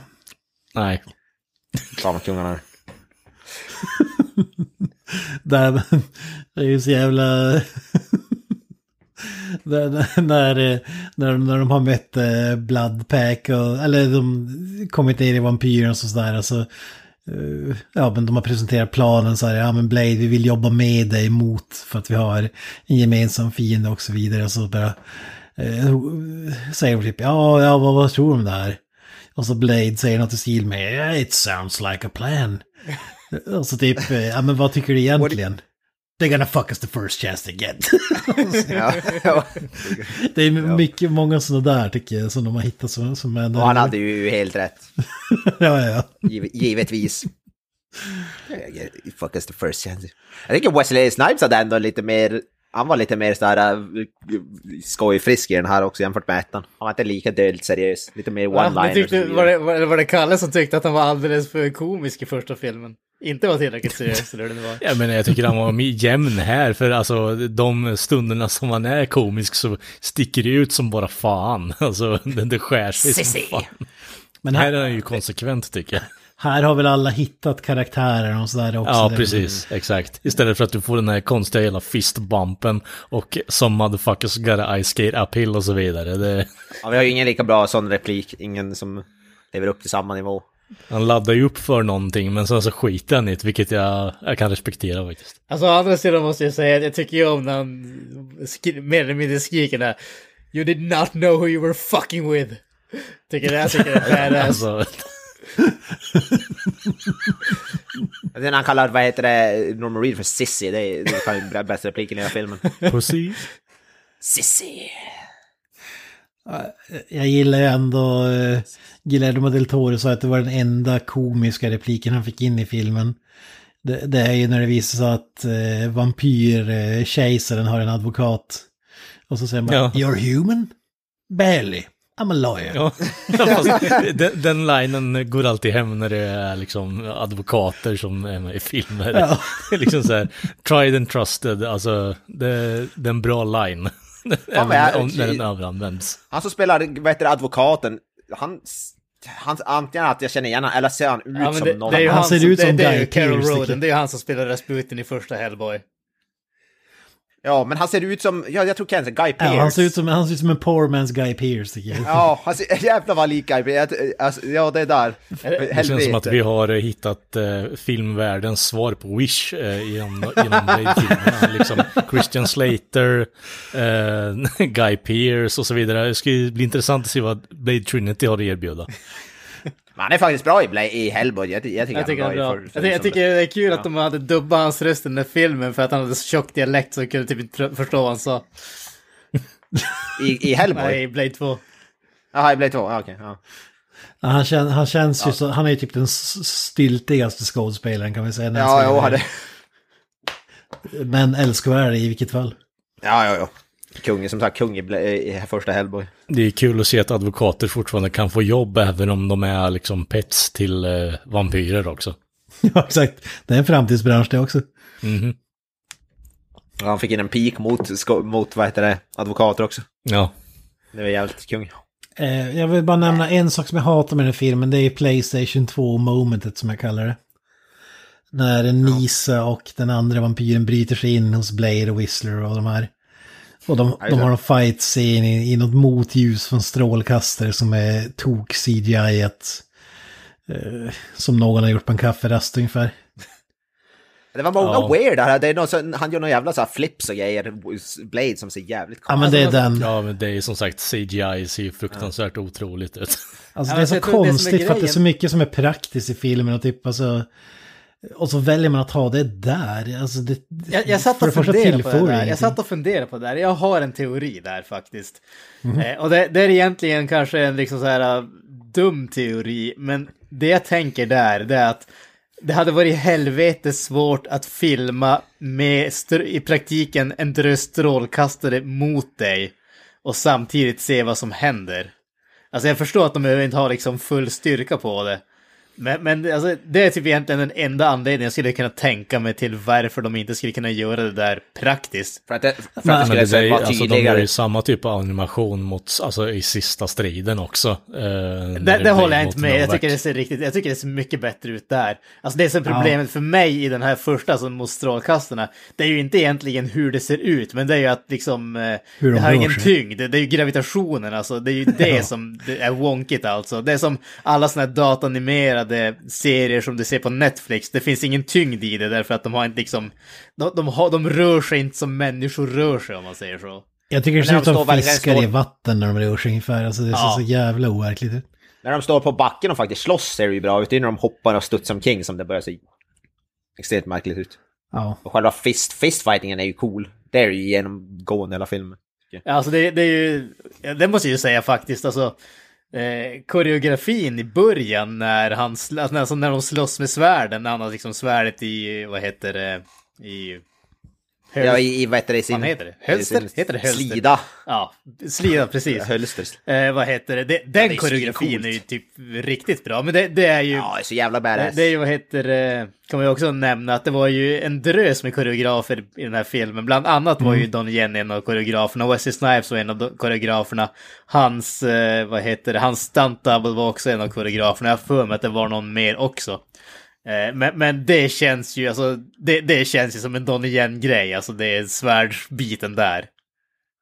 Alltså det är ju rent koreografiskt kan ju det vara den typ coolaste fightscenen i nästan hela filmen när han slåss där. Men det, alltså det är så jävla häftigt tycker jag. Jag tycker det är bra att de är olika, det, det säger själv också, att det är lite variation. Det, det är inte exakt samma varje gång. Det enda som är gemensamma faktorn är att det ska vara lite mer som dans, eh, som man snackar om. Ja. Just det. Och det alltså det är lite mer så här, eh, vad ska man kalla det, Van Damme-aktigt. eh, Den typen av filmer. En sak som jag också måste säga, bara just när det kommer till koreografin, och det finns lite grann av, den här, av det i den här filmen, men betydligt mindre än den första filmen. Det är att det är väldigt sällan som man ser folk som står och väntar på sin tur att anfalla i den här filmen. Det är betydligt mindre av den varan. Absolut, det händer några gånger, men jämfört med första filmen så är det ju en liksom drastisk nedskärning där. Jo, alltså det, det är en sån scen egentligen, men den är så jävla cool att man skiter i det. Precis som i första. Ja, exakt. jag, jag gillar också att den, den här världen känns större men inte för stor om man säger. Alltså, eh, den här äh, basen till exempel, den känns ju väldigt så här Escape from New York-aktigt när alla soldater står med gevären så här runt om.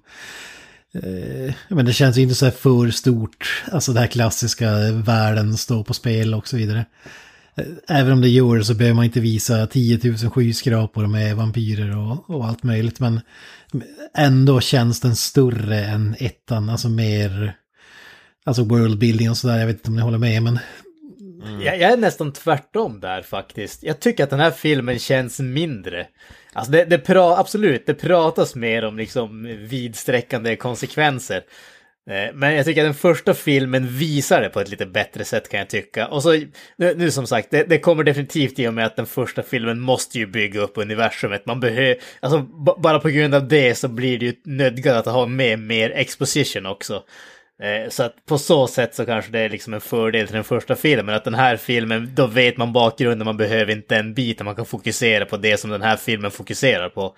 Men det känns som att jag hade ändå tyckt om lite mer av det. Lite mer av, alltså det behöver inte vara att det är liksom skyskrapor och sådana saker. Men, men kanske bara lite mer att visa åtminstone vampyrerna runt om. Speciellt när de säger att liksom, ja men vad heter det, the ruling body of the vampire nations ungefär. Och den enda vi får det är Damaskinos. Alltså i första filmen så hade du ändå det där liksom, vad heter det, bordet med vampyrledarna runt om, om man säger så, som dök upp i slutet och blev offrade. Men det, alltså bara att det fanns någonting mer än bara den här enda jättegamla vampyren. Jag hade, uppskattat lite mer sånt i alla fall. Jag, Alltså, jag det är faktiskt nästan- tvärtom där måste jag säga. Alltså för att i första filmen blev ju alla så jävla mellanmjölk, alltså det var ingen som stack ut överhuvudtaget. Här ser man ju direkt vem som är kungen, kejsaren och eh, Dracula himself så att säga.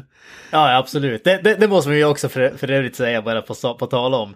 Alltså, alltså sminket, eller vad man ska kalla det, alltså prosthetics och sådana saker. Den här filmen, alltså de praktiska effekterna i den här filmen är ju guld värda. Damaskino, både Damaskinos och Nomex ser ju hur grymma ut som helst. Alltså Damaskinos speciellt, man hade ju aldrig kunnat tänka sig att det är en ung skådis där. Det känns ju som att det är någon som är typ 200 år gammal verkligen. jag, tycker, jag tycker Thomas Kretschmann gör det jävligt bra där faktiskt. Ja. Det är han, det är han bara- och den gamla i att han- Tanter Tanter som lyckas med. Ja. Man känns ju aldrig som att han är något riktigt hot, Damaskinos dock. Han känns ju bara eh, väldigt fragile och öm och som att han inte riktigt kan, alltså... Ja, men jag tror att Han känns ju det är all- väl det som är grejen. Han- Han är den som styr. Han är, inte, han är ju inte det fysiska hotet om man säger så. Det fysiska Nej, hotet är ju och det är väl det Nomac. som Det, är- som är grejen med han det är att man ska veta att det är han som har makten. Det är han som skapade Nomac. Det är han som är liksom, han är vampyrguden om man säger så. Ja, precis. Han Dr. skapar... Mengele av eh, vampyren. Lite så. För han skapar, skapar ju WMDs i form av de här supervampyrerna. Sen går ju alldeles snett. då. Men eh, det jag ska säga där, och sen har de ju klippt bort förmodligen medvetet de här scenerna där Blade springer runt med ett svärd k-pist på stan som att ingen... det, det tycker jag också är ett plus. Måste... Ja men det hade, jag hade velat se mer sånt. Alltså jag, jag, har, jag har inte någonting emot det egentligen. Alltså absolut, det, det är ju liksom, det är ju liksom löjligt vad man ska kalla det. Men samtidigt så det bygger, bygger bara upp det här universumet att uh, folket Vanlig är bara tisdag i New så York. disconnectat. Exakt. Hade det varit i Alabama så hade ingen höjt på ögonbrynen. Nej, precis. Vanlig, vanlig tisdag i Detroit. Texas. Vi måste prata om Blood alltså. Pact. Jag älskar ju det här teamet eh, som de har satt ihop. Det är ett bra namn i alla fall, det får man ändå ta i dem. Ja. Alltså när de träffas, träffas och sådär och så direkt så etablerar de vart alla står och alla sticker ut förutom eh, vad heter han, Lighthammers Love Interest kanske som är jävligt blek karaktär men i övrigt så eh, känns de jävligt eh, skarpa faktiskt, älskar dem. Lighthammer är väl inte så mycket till karaktär heller kan jag fan tycka. Ja, men han, Alltså han, Han är han är en gimmick. Han är en stor snubbe med hammare liksom. Ja men han är the, the Mountain i Game of Thrones eller alltså, Ja, men det, det är ingen personlighet, det är en gimmick i min mening. Ja men alltså det, ju det finns ju ingen risk att du blandar ihop dem till exempel. Nej, nej. Och, men hans flickvän är ju mindre eh, liksom karaktär än vad han är. Men han är Verlaine. inte så... Ja, Sleeve kan vi kalla henne. Ja exakt. Skulle, Man väntar bara på att de ska säga... ursprungligen ha varit en eh, tvilling till uh, Raquel som var Tracy Lords från den första filmen. Tydligen. Man, man, väntar ju bara, det är inte så. man väntar bara på att de ska börja prata om multipass. Alltså fan, Mila Jovovich, den här rollen det hade varit grymt. Ja då hade det slagit gnistor det kan jag säga. Jag, vet- jag, vet- jag minns när jag såg den här filmen, jag, jag kunde typ spola tillbaka och, och se om den igen. För jag tyckte det var så jävla cool den här scenen när de ska gå ner till det här eh, klubben. När, när vi får eh, Massive Attack och uh, Blood Pact i slow motion. I, i någon slags Reservoir Dogs-aktig scen. Den är så jävla grym, alltså musiken och klippningen och hela den biten. Ja, alltså hela allt detta är ju... Alltså, det, precis som den första filmen. Den här, den här filmen den är bara så jävla cool alltså. Det, det, liksom, det, det finns fan ingenting som inte är liksom 12 av 10 på cool-skalan i den här filmen för mig. Men den scenen där är när han får upp, alltså med Bloodpack, när det är bra när han ska, vad heter det med Ron Perlman, när han, det där Do You Blush, och när, vad heter han trixar med sin jävla silver, vad heter det, den här silver eh, Bomben. grejen, vad fan. Adolf. Ja, precis. Did you catch that? Let me do it again. Ja, det är fan badass tycker jag. Ja. Do you blush? Ja, det är så jävla grymt. Eh, kurios också på klubben, där var ju tanken att eh, alla svar Michael Jackson skulle ha en cameo. Okej. Som Ja. typ eh, vampyr. Och jag tror till och med att det är den här vampyren som står och drar ut ryggraden på någon eller vad fan är det nu är. Okej. Fan vad, fan vad bisarrt. Men det var någon sån här krock, eh, ja, Ja. scheduling-krock som gjorde att han inte kunde ställa upp. Så det blev det en tjeckisk snubbe istället. ja, just det. Random Checo eller eh, Michael Jackson. Ja. Random Jacko. Random Checo. Ja men det, det känns ändå bra, alltså fan, alltså en cameo av Michael Jackson i filmen, det hade ju varit, det hade ju dragit ner betyget jag. Jävla bisarrt det har varit. Fan, inte min kopp med te alltså. Samma om det hade varit Adam Ja. Sandler som hade torterats i början, då hade man ju inte alls haft samma känslor för den här filmen, det kan man ju säga. Nej, nej, det har du nog rätt i. Filmen hade varit bättre. Ja, precis. Jag skulle vilja hylla klippningen också i just Blood Pact-scenen. Alltså när de är nere i den här vampyrklubben och ska slakta de, eh, slakta de här zombie, nya zombievampyrerna. Då är ju typ varenda karaktär på varsitt ställe och fightas. Och vi klipper mellan dem. Och i en vanlig kampsportfilm så här, då hade det varit en enda gröt. Man hade inte kunnat säga vem som är vem och vad som gör vad och vad som händer. Men här hänger man ju med i allting som händer. Man säger direkt vem som gör vad och, och fattar vad som händer. Och det, det fyller någon funktion och så här. Jag vet inte om ni tänker på det eller om ni håller med mig eller inte. Men jag tycker det var jävligt, det är fan mästerligt klippt alltså ska jag säga. Ja, det är inte så att alla karaktärer ser likadana ut, så så svårt är det ju inte att alltså, urskilja vad som händer varje enskild person. Det enda jag kan tycka som alltså, verkligen försvinner i hela det där alltet är ju Priest. Uh, man tänker bara, vem fan är det här för någon? Okej, han dog, vem bryr sig? Ja, han kändes som en som skulle ha en större roll. Samtidigt är det en liten surprise då att han dör direkt. Eh, Vilket kanske inte är helt fel heller kan jag tycka. Nej, Alltså, jag, jag, jag tycker ju inte- om att ba- bara just den här grejen att eh, när de kommer in där och säger liksom half these fuckers aren't even pure blood, I say we kill all of them och sen är det Ja. den första som stryker med. Ja, det är så, ja. Det är bra, du har rätt med klippningen, det är ju man, det är ju inte någon Doobie White-klippning kanske direkt. Nej, inte det heller. Tio klipp i sekunden, det är det ju definitivt inte. Kanske hade blivit bättre med Doobie White, man vet.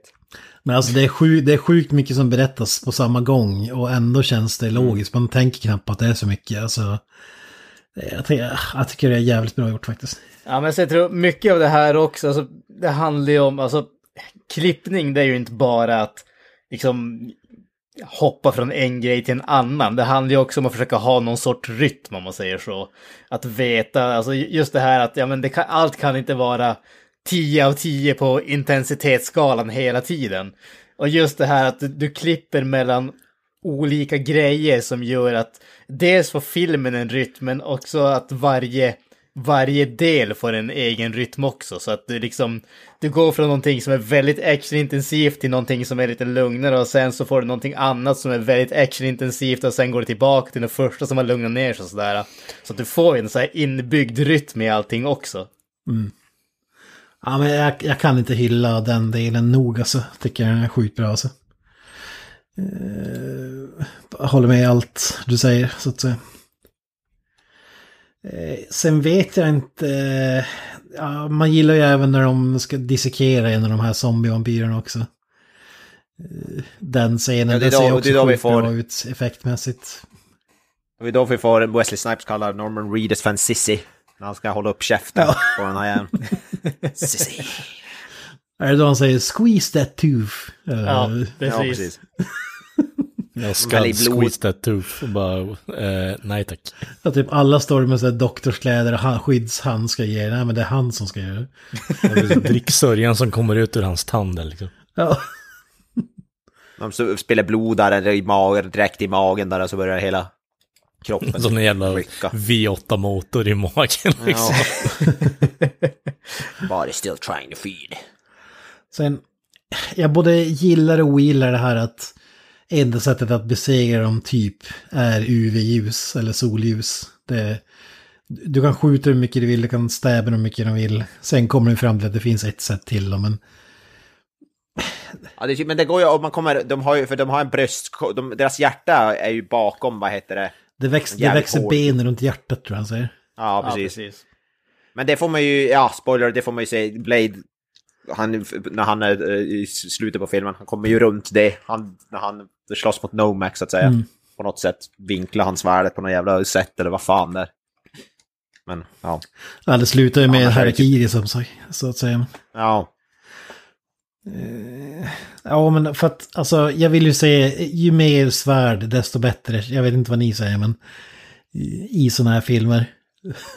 Och jag hade, hade alltså ändå det- önskat mer svärd. Det, det, Jag tyckte det var väldigt mycket i actionscenerna här är väldigt mycket så här slänga runt varandra, kasta in varandra i väggar och sånt där. Speciellt när det kommer till de här No-Mac-vampyrerna, de gör ju ingenting, de bara slänger runt sina motståndare. De tar upp och slänger in dem i väggen. Alltså, jag, men, jag, ty- jag tycker om det. Jag tycker om det. Alltså, än en gång, alltså, för, för mig så kommer det här att, ja men, olika grejer, alltså jag tycker om när karaktärer gör olika saker. Alla kan inte vara liksom kampsportshjältar. Jag tycker om det här, alltså just alltså det som är grejen med de här, det är att det är perfekt därför att Nomek är ju den enda reapern som har behållit liksom sinneslagen om man säger så. Han är den enda som är uppenbarligen intelligent. Alla andra har ju liksom gått tillbaka till någon sorts liksom primal state ungefär. De är mer eller mindre bara djur. Så att, alltså jag tycker om det. Alltså, de beter sig ju som rovdjur i stort sett. De har sitt byte och liksom riktar in sig på det. De gör inga liksom häftiga volter och flashiga rörelser, utan det är liksom, det är bara brutalt försöka mörda dem ungefär. Jag tycker om det. Jag tycker att det passar perfekt. Primal Ja, men tänk i slutet där med Nomex slåss mot de här SWAT-soldaterna. Det enda han gör är att ta dem och kasta dem i- inåt väggarna i- åt olika håll. Han bara tar, tar en, slänger en åt ett håll, tar nästa, slänger den åt ett annat håll. Det är det enda sättet han dödar dem på. Och sen käkar han dem med dem där han har kastat färdigt dem. Fittnyllet. Ja, men så- alltså, hur, Man hade hur de dödar har... Alltså jag, jag som sagt tycker det är både bra och dåligt, men jag hade ändå velat se Blade hugga huvudet av någon, eller alltså, ja, ni fattar vad jag menar. Ja, för det är för lite svärd-action. Nästan knappt någon svärd-action i filmen. Nästan mindre än i ettan faktiskt. Ja, ja det, är Det är typ, näst- det är typ där i när han slåss mot dem där, när han bryter sig in. Det är typ den scenen som står ut när det kommer Ja, till Det är nästan som lite Secret of the Ooze-varning att de ska slåss med korvar istället för, alltså... Ja, eller E.T. har eh, ficklampor istället för pistoler eller vad fan det Ja, alltså det är betydligt mer, det är betydligt mer skjutande och fi- fisticuffs i den här. Ja, och jag, jag har egentligen inget problem, jag hade ändå velat se mer svärd. ja, the ja. more svärd, the merrier, som jag brukar säga. För den svärdscenen som finns, som vi sa när han slåss där, den har svärdet i, i hölstret eller vad man ska säga, den, den scenen är så jävla cool. Ja. Eh, Mer sånt. sen får vi twisten då att Norman Reedus har jobbat för eh, vampyrkejsaren hela tiden. Han är en familiar. Exakt, han vill bli vampyr. Eller en vampyrfan. han är en eh, huge slut för han har en tatuering på underläppen också. Alltså, det, det hade ju varit bättre det än en tramp stamp i alla fall. Alltså, jag hade man velat att- se, ja, men Tänk om man hade bara vänt sig om och lutat sig framåt och lägga upp t-shirten. Det hade varit en mer intressant scen om Readers bara drog ner byxorna och visar trampstampen i Han har- han har- svanken. Han har tramstamp runt Dime-krysset. Ser den där streckkoden? Ja, jag vet att jag tillhör någon. Ja. Just det. We are. That he does. Scud asshole on sale.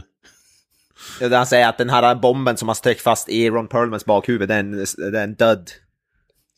Det är det han säger. Mm. Ja, just det.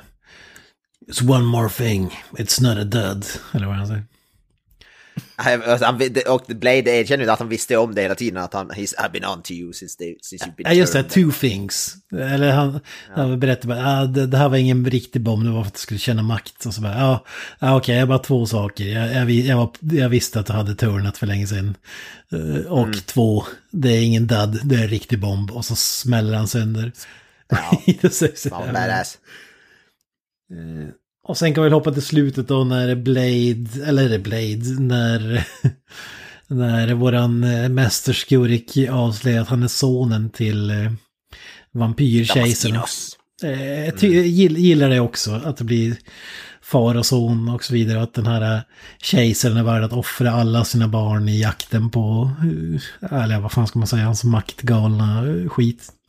Ja, det är väl inte maktgalenhet, eller mer att han vill på något sätt utveckla Han, vill- han vampyrrasen. säga, precis, Ja. han ville säkerställa framtiden. Det, vad, vad är det han säger liksom? När, när, han blir, när, de, när, han, när de frågar han liksom, Are you willing to sacrifice uh, even your daughter? Eller vad man säger. Och han säger, Ja, when, it, when it comes to my legacy, even her. Eller någonting åt det hållet. mm. Jo, men det är ju ändå, alltså, Conquer the World-grejen också. Ja, jag tror inte det är det som är huvudgrejen för honom faktiskt. Ja, så han vill ju göra den perfekta, han vill ta bort alla svagheter från Ja, vampyrerna precis. så att de bara har... Ska, så de kan gå i solljus, de är inte svag mot silver och whatever. Det här tycker jag är jävligt kul att eh, Whistler eh, skjuter sönder de här glasburkarna med foster i, med vampyrfoster i. Så här, pro-abort-film där. Det- Ja, definitivt inte pro-life med tanke på hur många som dör i den. Nej, exakt. Eh, Ja, Men alltså, finns det, Pro-choice all the way. finns det något mer Del Toro än typ foster och eh, kroppsdelar i burkar i filmer? du? Jag tror det, det är fan med i typ alla hans filmer alltså. Det är hans lens flares typ. So I want a hundred fetuses. ja, men det är typ så. Rennie Harlin har explosions. ja, det är hans, hans del grej. Toro, fos, foster i burkar. Get me some STEM research. eh. Ja, man tänker bara på Cartman så fort man ser foster. Ja, precis. Christopher Reeve kommer där och bara bryter nacken av dem och suger ut livslust. You're breaking my balls, you're breaking my balls. Breaking my balls here man, breaking my balls. Fan vad episkt. Eh, ja, och uh, grymt slut och så vidare. Ja, det tycker jag. Jag, jag gillar slut när han, vad heter det, blir stabbad av Blade och han säger där, säger där it doesn't hurt anymore. Jävligt fint skådespeleri tycker jag. Det är så jävla bra. Lite tears in rain eh, moment. Väldigt machete-aktigt med Steven Seagal bara. Oh, you got me, but uh, I can still get out of this. But since you got me, I'll take it easy on you. Och så vrider han om svärdet och dör liksom. Ja, men det är ändå fint att han tar sitt eget liv och så vidare. Det, det är det fina som man kan göra för sin fiende, så att säga. Ja, men lite så. alltså, Nej, men en just, just det där som säger att han inte har ont, när, när han kör in svärdet, att han känner, ja okej, jag har inte ont längre och så vidare. Ja. Och inser att det de är, håller på med är fel. Och han är nöjd med att han har mördat sin farsas och hans legacy så att säga. Ja, det är det jag säger, han är så jävla bra. Nomac alltså. En jävla bra bad guy. Ja. Skådespeleri och så vidare. Allt, allt med Nomac är 10 av 10. Jo. Vi, ja, det här är ännu en sån film jag hade kunnat spela in tio avsnitt, men vi börjar närma oss slutet av avsnittet. Tyvärr. Men, Ja, bara, bara att avsnittet är lika långt som filmen. det, är fan, Ja. men det är bra, bra, bra tecken. mitt påstående då att eh, Blade 2 tog allt som var bra med ettan och gjorde det dubbelt så bra, eller i alla fall ännu bättre. Håller ni med eller inte? Alltså jag, jag håller inte med egentligen enbart därför att jag tycker att båda filmerna är helt fantastiska. Alltså båda filmerna Ja. för mig är 10 av 10. Jag, jag, som sagt, jag älskar dem. Jag tycker inte att... det, jag tycker inte att den är så mycket bättre än den första filmen att man kan säga det. Men det, det är liksom... Gör det någon skillnad? Båda är fortfarande fucking fantastiska. Ja. Ja, så är det ju. Som jag sa, som jag sa sagt, det finns grejer med första som är som, som den gör bättre. Det finns grejer som tvåan gör bättre. Det är som, jag vill säga, det är som Alien och Aliens. Det är två bra filmer på olika sätt. det är typ samma film fast ändå inte. Ja men det är som sagt, den här är lite mer skräck, även om den har action också. Första eller kanske lite mer action, lite mindre skräck, bla bla bla. Liksom, båda är jävligt bra. Det är som, man, behöver, man behöver inte välja den ena eller den andra, man kan se båda. Bara man hoppar över Trinity så kan vi leva gott. Eller vad det är. Vara lyckliga. Ja, innan Kalle säger kan jag bara säga att alltså, jag har ändå en, några problem med den första, även om jag gillar den som fan. Så måste jag säga att jag tycker att den här är överlägsen på typ alla plan ändå. Alltså, det, det kanske är för att den är mer för mig än den första. Eh, så att säga, just underhållningen, kamps, mer kampsportsbitar med herr Snipes som ämnet handlar om. Alltså jag tycker han får skina mer på den biten också, visa vad han går för och så vidare. Uh, han, det känns som att han har hittat karaktären också på ett bra sätt, kanske med hjälp av Del Toro, jag vet inte. Uh, Just det där, uh, alla poser och allt sånt där bara sitter som man kanske experimenterade med i första. Eh, Den första är inte dålig på något sätt, men jag tycker ändå att det här är nästa nivå, alltså måste jag säga.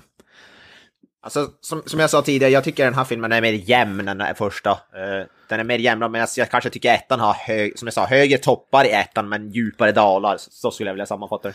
Medan den här är, den håller sig på en bra hög nivå genom hela. Så, så skulle jag säga, men därför skulle jag säga att båda är ju 10 av 10 typ. I alla fall. Så ja. Ja, 10, 10 och sen Blade Trinity 1 av 10.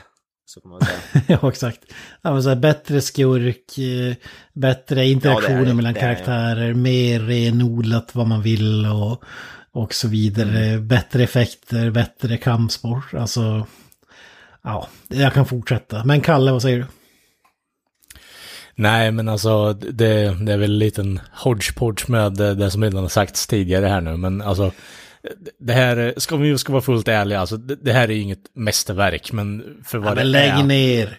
Lägg Håll ner. käften nu. Det, du har pratat tillräckligt nu. I, Men hur som helst, det, det är ju en gravt underhållande film. Det tänker jag inte ta ifrån någon eh, faktiskt. För det här är högoktanig action. Eh, Snipes vet vad han gör. Han har, som ni har sagt tidigare, eh, kommit underfund med vad han vill göra med karaktären och han gör det jävligt bra. Eh, vissa saker kan jag störa mig på, absolut. Eh, effekterna bland annat, eh, fortfarande. Eh, lite att det blir hackigt som fan. Det blir så här super eh, Metroid-flippar och så vidare. Och det, det tar ifrån lite med tanke på att eh, mycket annat är praktiskt och det, man ser verkligen hur eh, artificiellt det ser ut att vara. Men eh, helt klart eh, är ju tvåan en förbättring mot ettan. Eh, även om, återigen, ettan har väldigt bra grejer också där i sig som till viss del eh, outshinar eh, saker i tvåan, men tvåan är återigen, eh, som ni andra har sagt, en mer konsekvent film tycker jag, rakt igenom. Och eh, ja, helt klart sevärd. Och eh, ja, men det här känns som en eh, riktig så här, har du inget annat att se eh, på en söndagkväll, du är bakfull, eh, en perfekt film liksom. Du behöver inte tänka för mycket och du kan bara ta in och kolla på den bra koreografin. Eh, och eh, alltså bara bli underhållen i eh, två timmar ungefär.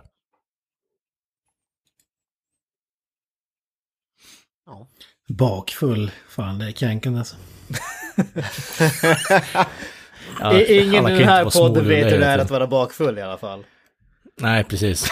Det är för att vi aldrig slutar dricka. Exakt. Uh, återställer den en pile sunrise. Ja, fan jag sitter ju med nu, just nu. Fan fint. Ja, jag vet inte, kan man säga något mer? Vi, vi kan väl ta bara här Snipes avslutningsvis som ämnet faktiskt handlar om. Jag nämnde honom lite grann. Vad, vad säger ni andra om Snipes i den här filmen? Eh, Jag tycker han är Jag riktigt, tycker jag var riktigt ganska bra. tydlig med att jag sa att han har förbättrats från ettan Ja, till tvåan. han, Så. jag tycker han är ändå bättre ändå i den här. Han är väl en av de grejer som faktiskt är... Där är det klart bättre är han, är han i den här. Faktiskt. Ja, men jag, ty- att, Men det är väl bara naturligt. jag, jag tycker att han har, i den här filmen så har han ju som hittat karaktären lite mer om man säger så. Sen alltså, jag menar Blade i, sig, Blade i sig är ju inte någon superdjup karaktär på så sätt. Men det känns ändå som att han lyckas vara... Det, det finns mer än bara en cool yta om man säger så. Och det skulle jag säga att det är ju typ 95% på grund av eh, Snipes eh, skådespeleri alltså. Eh, och alltså han lyckas, jag tycker att han, han ger ändå... Alltså det finns de här små grejerna tycker jag, alltså när det kommer till just karaktären. Inte i dialog och sånt där, men mer hur han rör sig. Alltså han, han, när han kollar på någon så kollar han som på ett speciellt sätt. Alltså det finns de där liksom... Det finns många små detaljer som jag tycker att Snipes har lagt in när han skådespelar den här karriären, eller eh, karaktären. Eh, som faktiskt lyfter helheten när det inte finns så det är jättemycket att arbeta med känslomässigt. Ja, men jag håller med. F- lite mer visuella hållet och får använda kroppsspråk och kampsport på ett finurligare sätt än i Exakt, första kapitlet. exakt. Ja, Alltså hans, hans fysiska presence, alltså när det kommer till kampsport, det, man, man märker ju att han har någon sån bakgrund där, så det är ju riktigt jävla bra. Det är inte så mycket klipp, det är, man ser tydligt att det är han som slåss. Vilket gör jävligt mycket tycker jag. Ja, precis. Ja, han är ju som sagt martial arts-mästare. Ja. Eh, hade väl önskat mer svärd då. Ja, mer, mer, mer svärd. För 20 gånger. Det är som den här more cowbell, but the more sword. Exakt, man kan inte få för mycket. I have a fever. The only prescription is more sword. Så är det. Mm. Med... Nu tycker jag vi kan avsluta det här temat så slipper vi se nästa skitfilm. Nej, nej, nej, vi, vi har bara kommit halvvägs nu för fan. Nu växlar vi upp inför Blade Trinity. Oj! Oj, oj, oj. Fan, jag, jag har ont redan. Ja, som sagt, än så länge, ja, ja, jag väljer att ta hoppet uppe. Ja, alltså jag med. Det var så länge sedan jag såg filmen, men jag kommer ihåg att jag tyckte ändå om den. Ja, vi kanske, vi Det- kanske får ångra det här bittert. olika vi kanske får saker. ångra det här bittert i nästa avsnitt, men eh, ja, förmodligen får Ni kommer få äta upp era ord så grovt. Oj, oj. Ja, men det är kul att vi ska få äta upp att vi säger att vi har inga författade meningar, utan vi... Nej, men jag menar det här med att ni minns den som bra, det kommer ni få äta upp. Nej, men det jag ingen påstått. Jag, jag som sa ju nyss det för fem sekunder Minns du den som bra, Granström? Alltså, som jag kommer ihåg den så eh, tyckte jag att den var bra, men alltså det var ju jävligt länge sedan jag såg den. Men... Ja, så, så kommer jag ihåg den i alla fall. Så vi får väl se. Kan bli Den intressant. Blade i titeln, Granis är såld. Exakt. Jag hade hellre sett Blade-serien med Sticky Fingers om jag ska wara helt ärlig. Ja, men vi har ju wrestlare i Triple H för fan som är med. Det, det måste betyda något. Och James Remar, känd från Mortal Kombat-filmer. Ryan Reynolds, Patton Oswalt, Action nummer ett. Dominic, Dominic Purcell som Dracula. Vem fan, vem fan gjorde den castingen skulle jag vilja säga. Det är ungefär lika som att cas- casta typ Jason Statham som Dracula. Liksom det är som ungefär samma skådespelare. You having a laugh mate? Talang. Det hade jag velat säga. Yeah, The Stafe. the children of the night mate. The, the music they make. Children of the Night, mate. Alucard, mate. Eh, nej, men, ja, men vi, vi ser fram emot Blade Trinity som sagt och en eh, mystery-rulle dessutom. Ja, just det. Håll till godo, håll till godo. Har vi några avslutande ord? ja, det är väl det här med peace out. Up the Some motherfuckers fuckers are always trying to ice skate uphill. Sugar Spice and everything nice. That's it, man. Game over, man.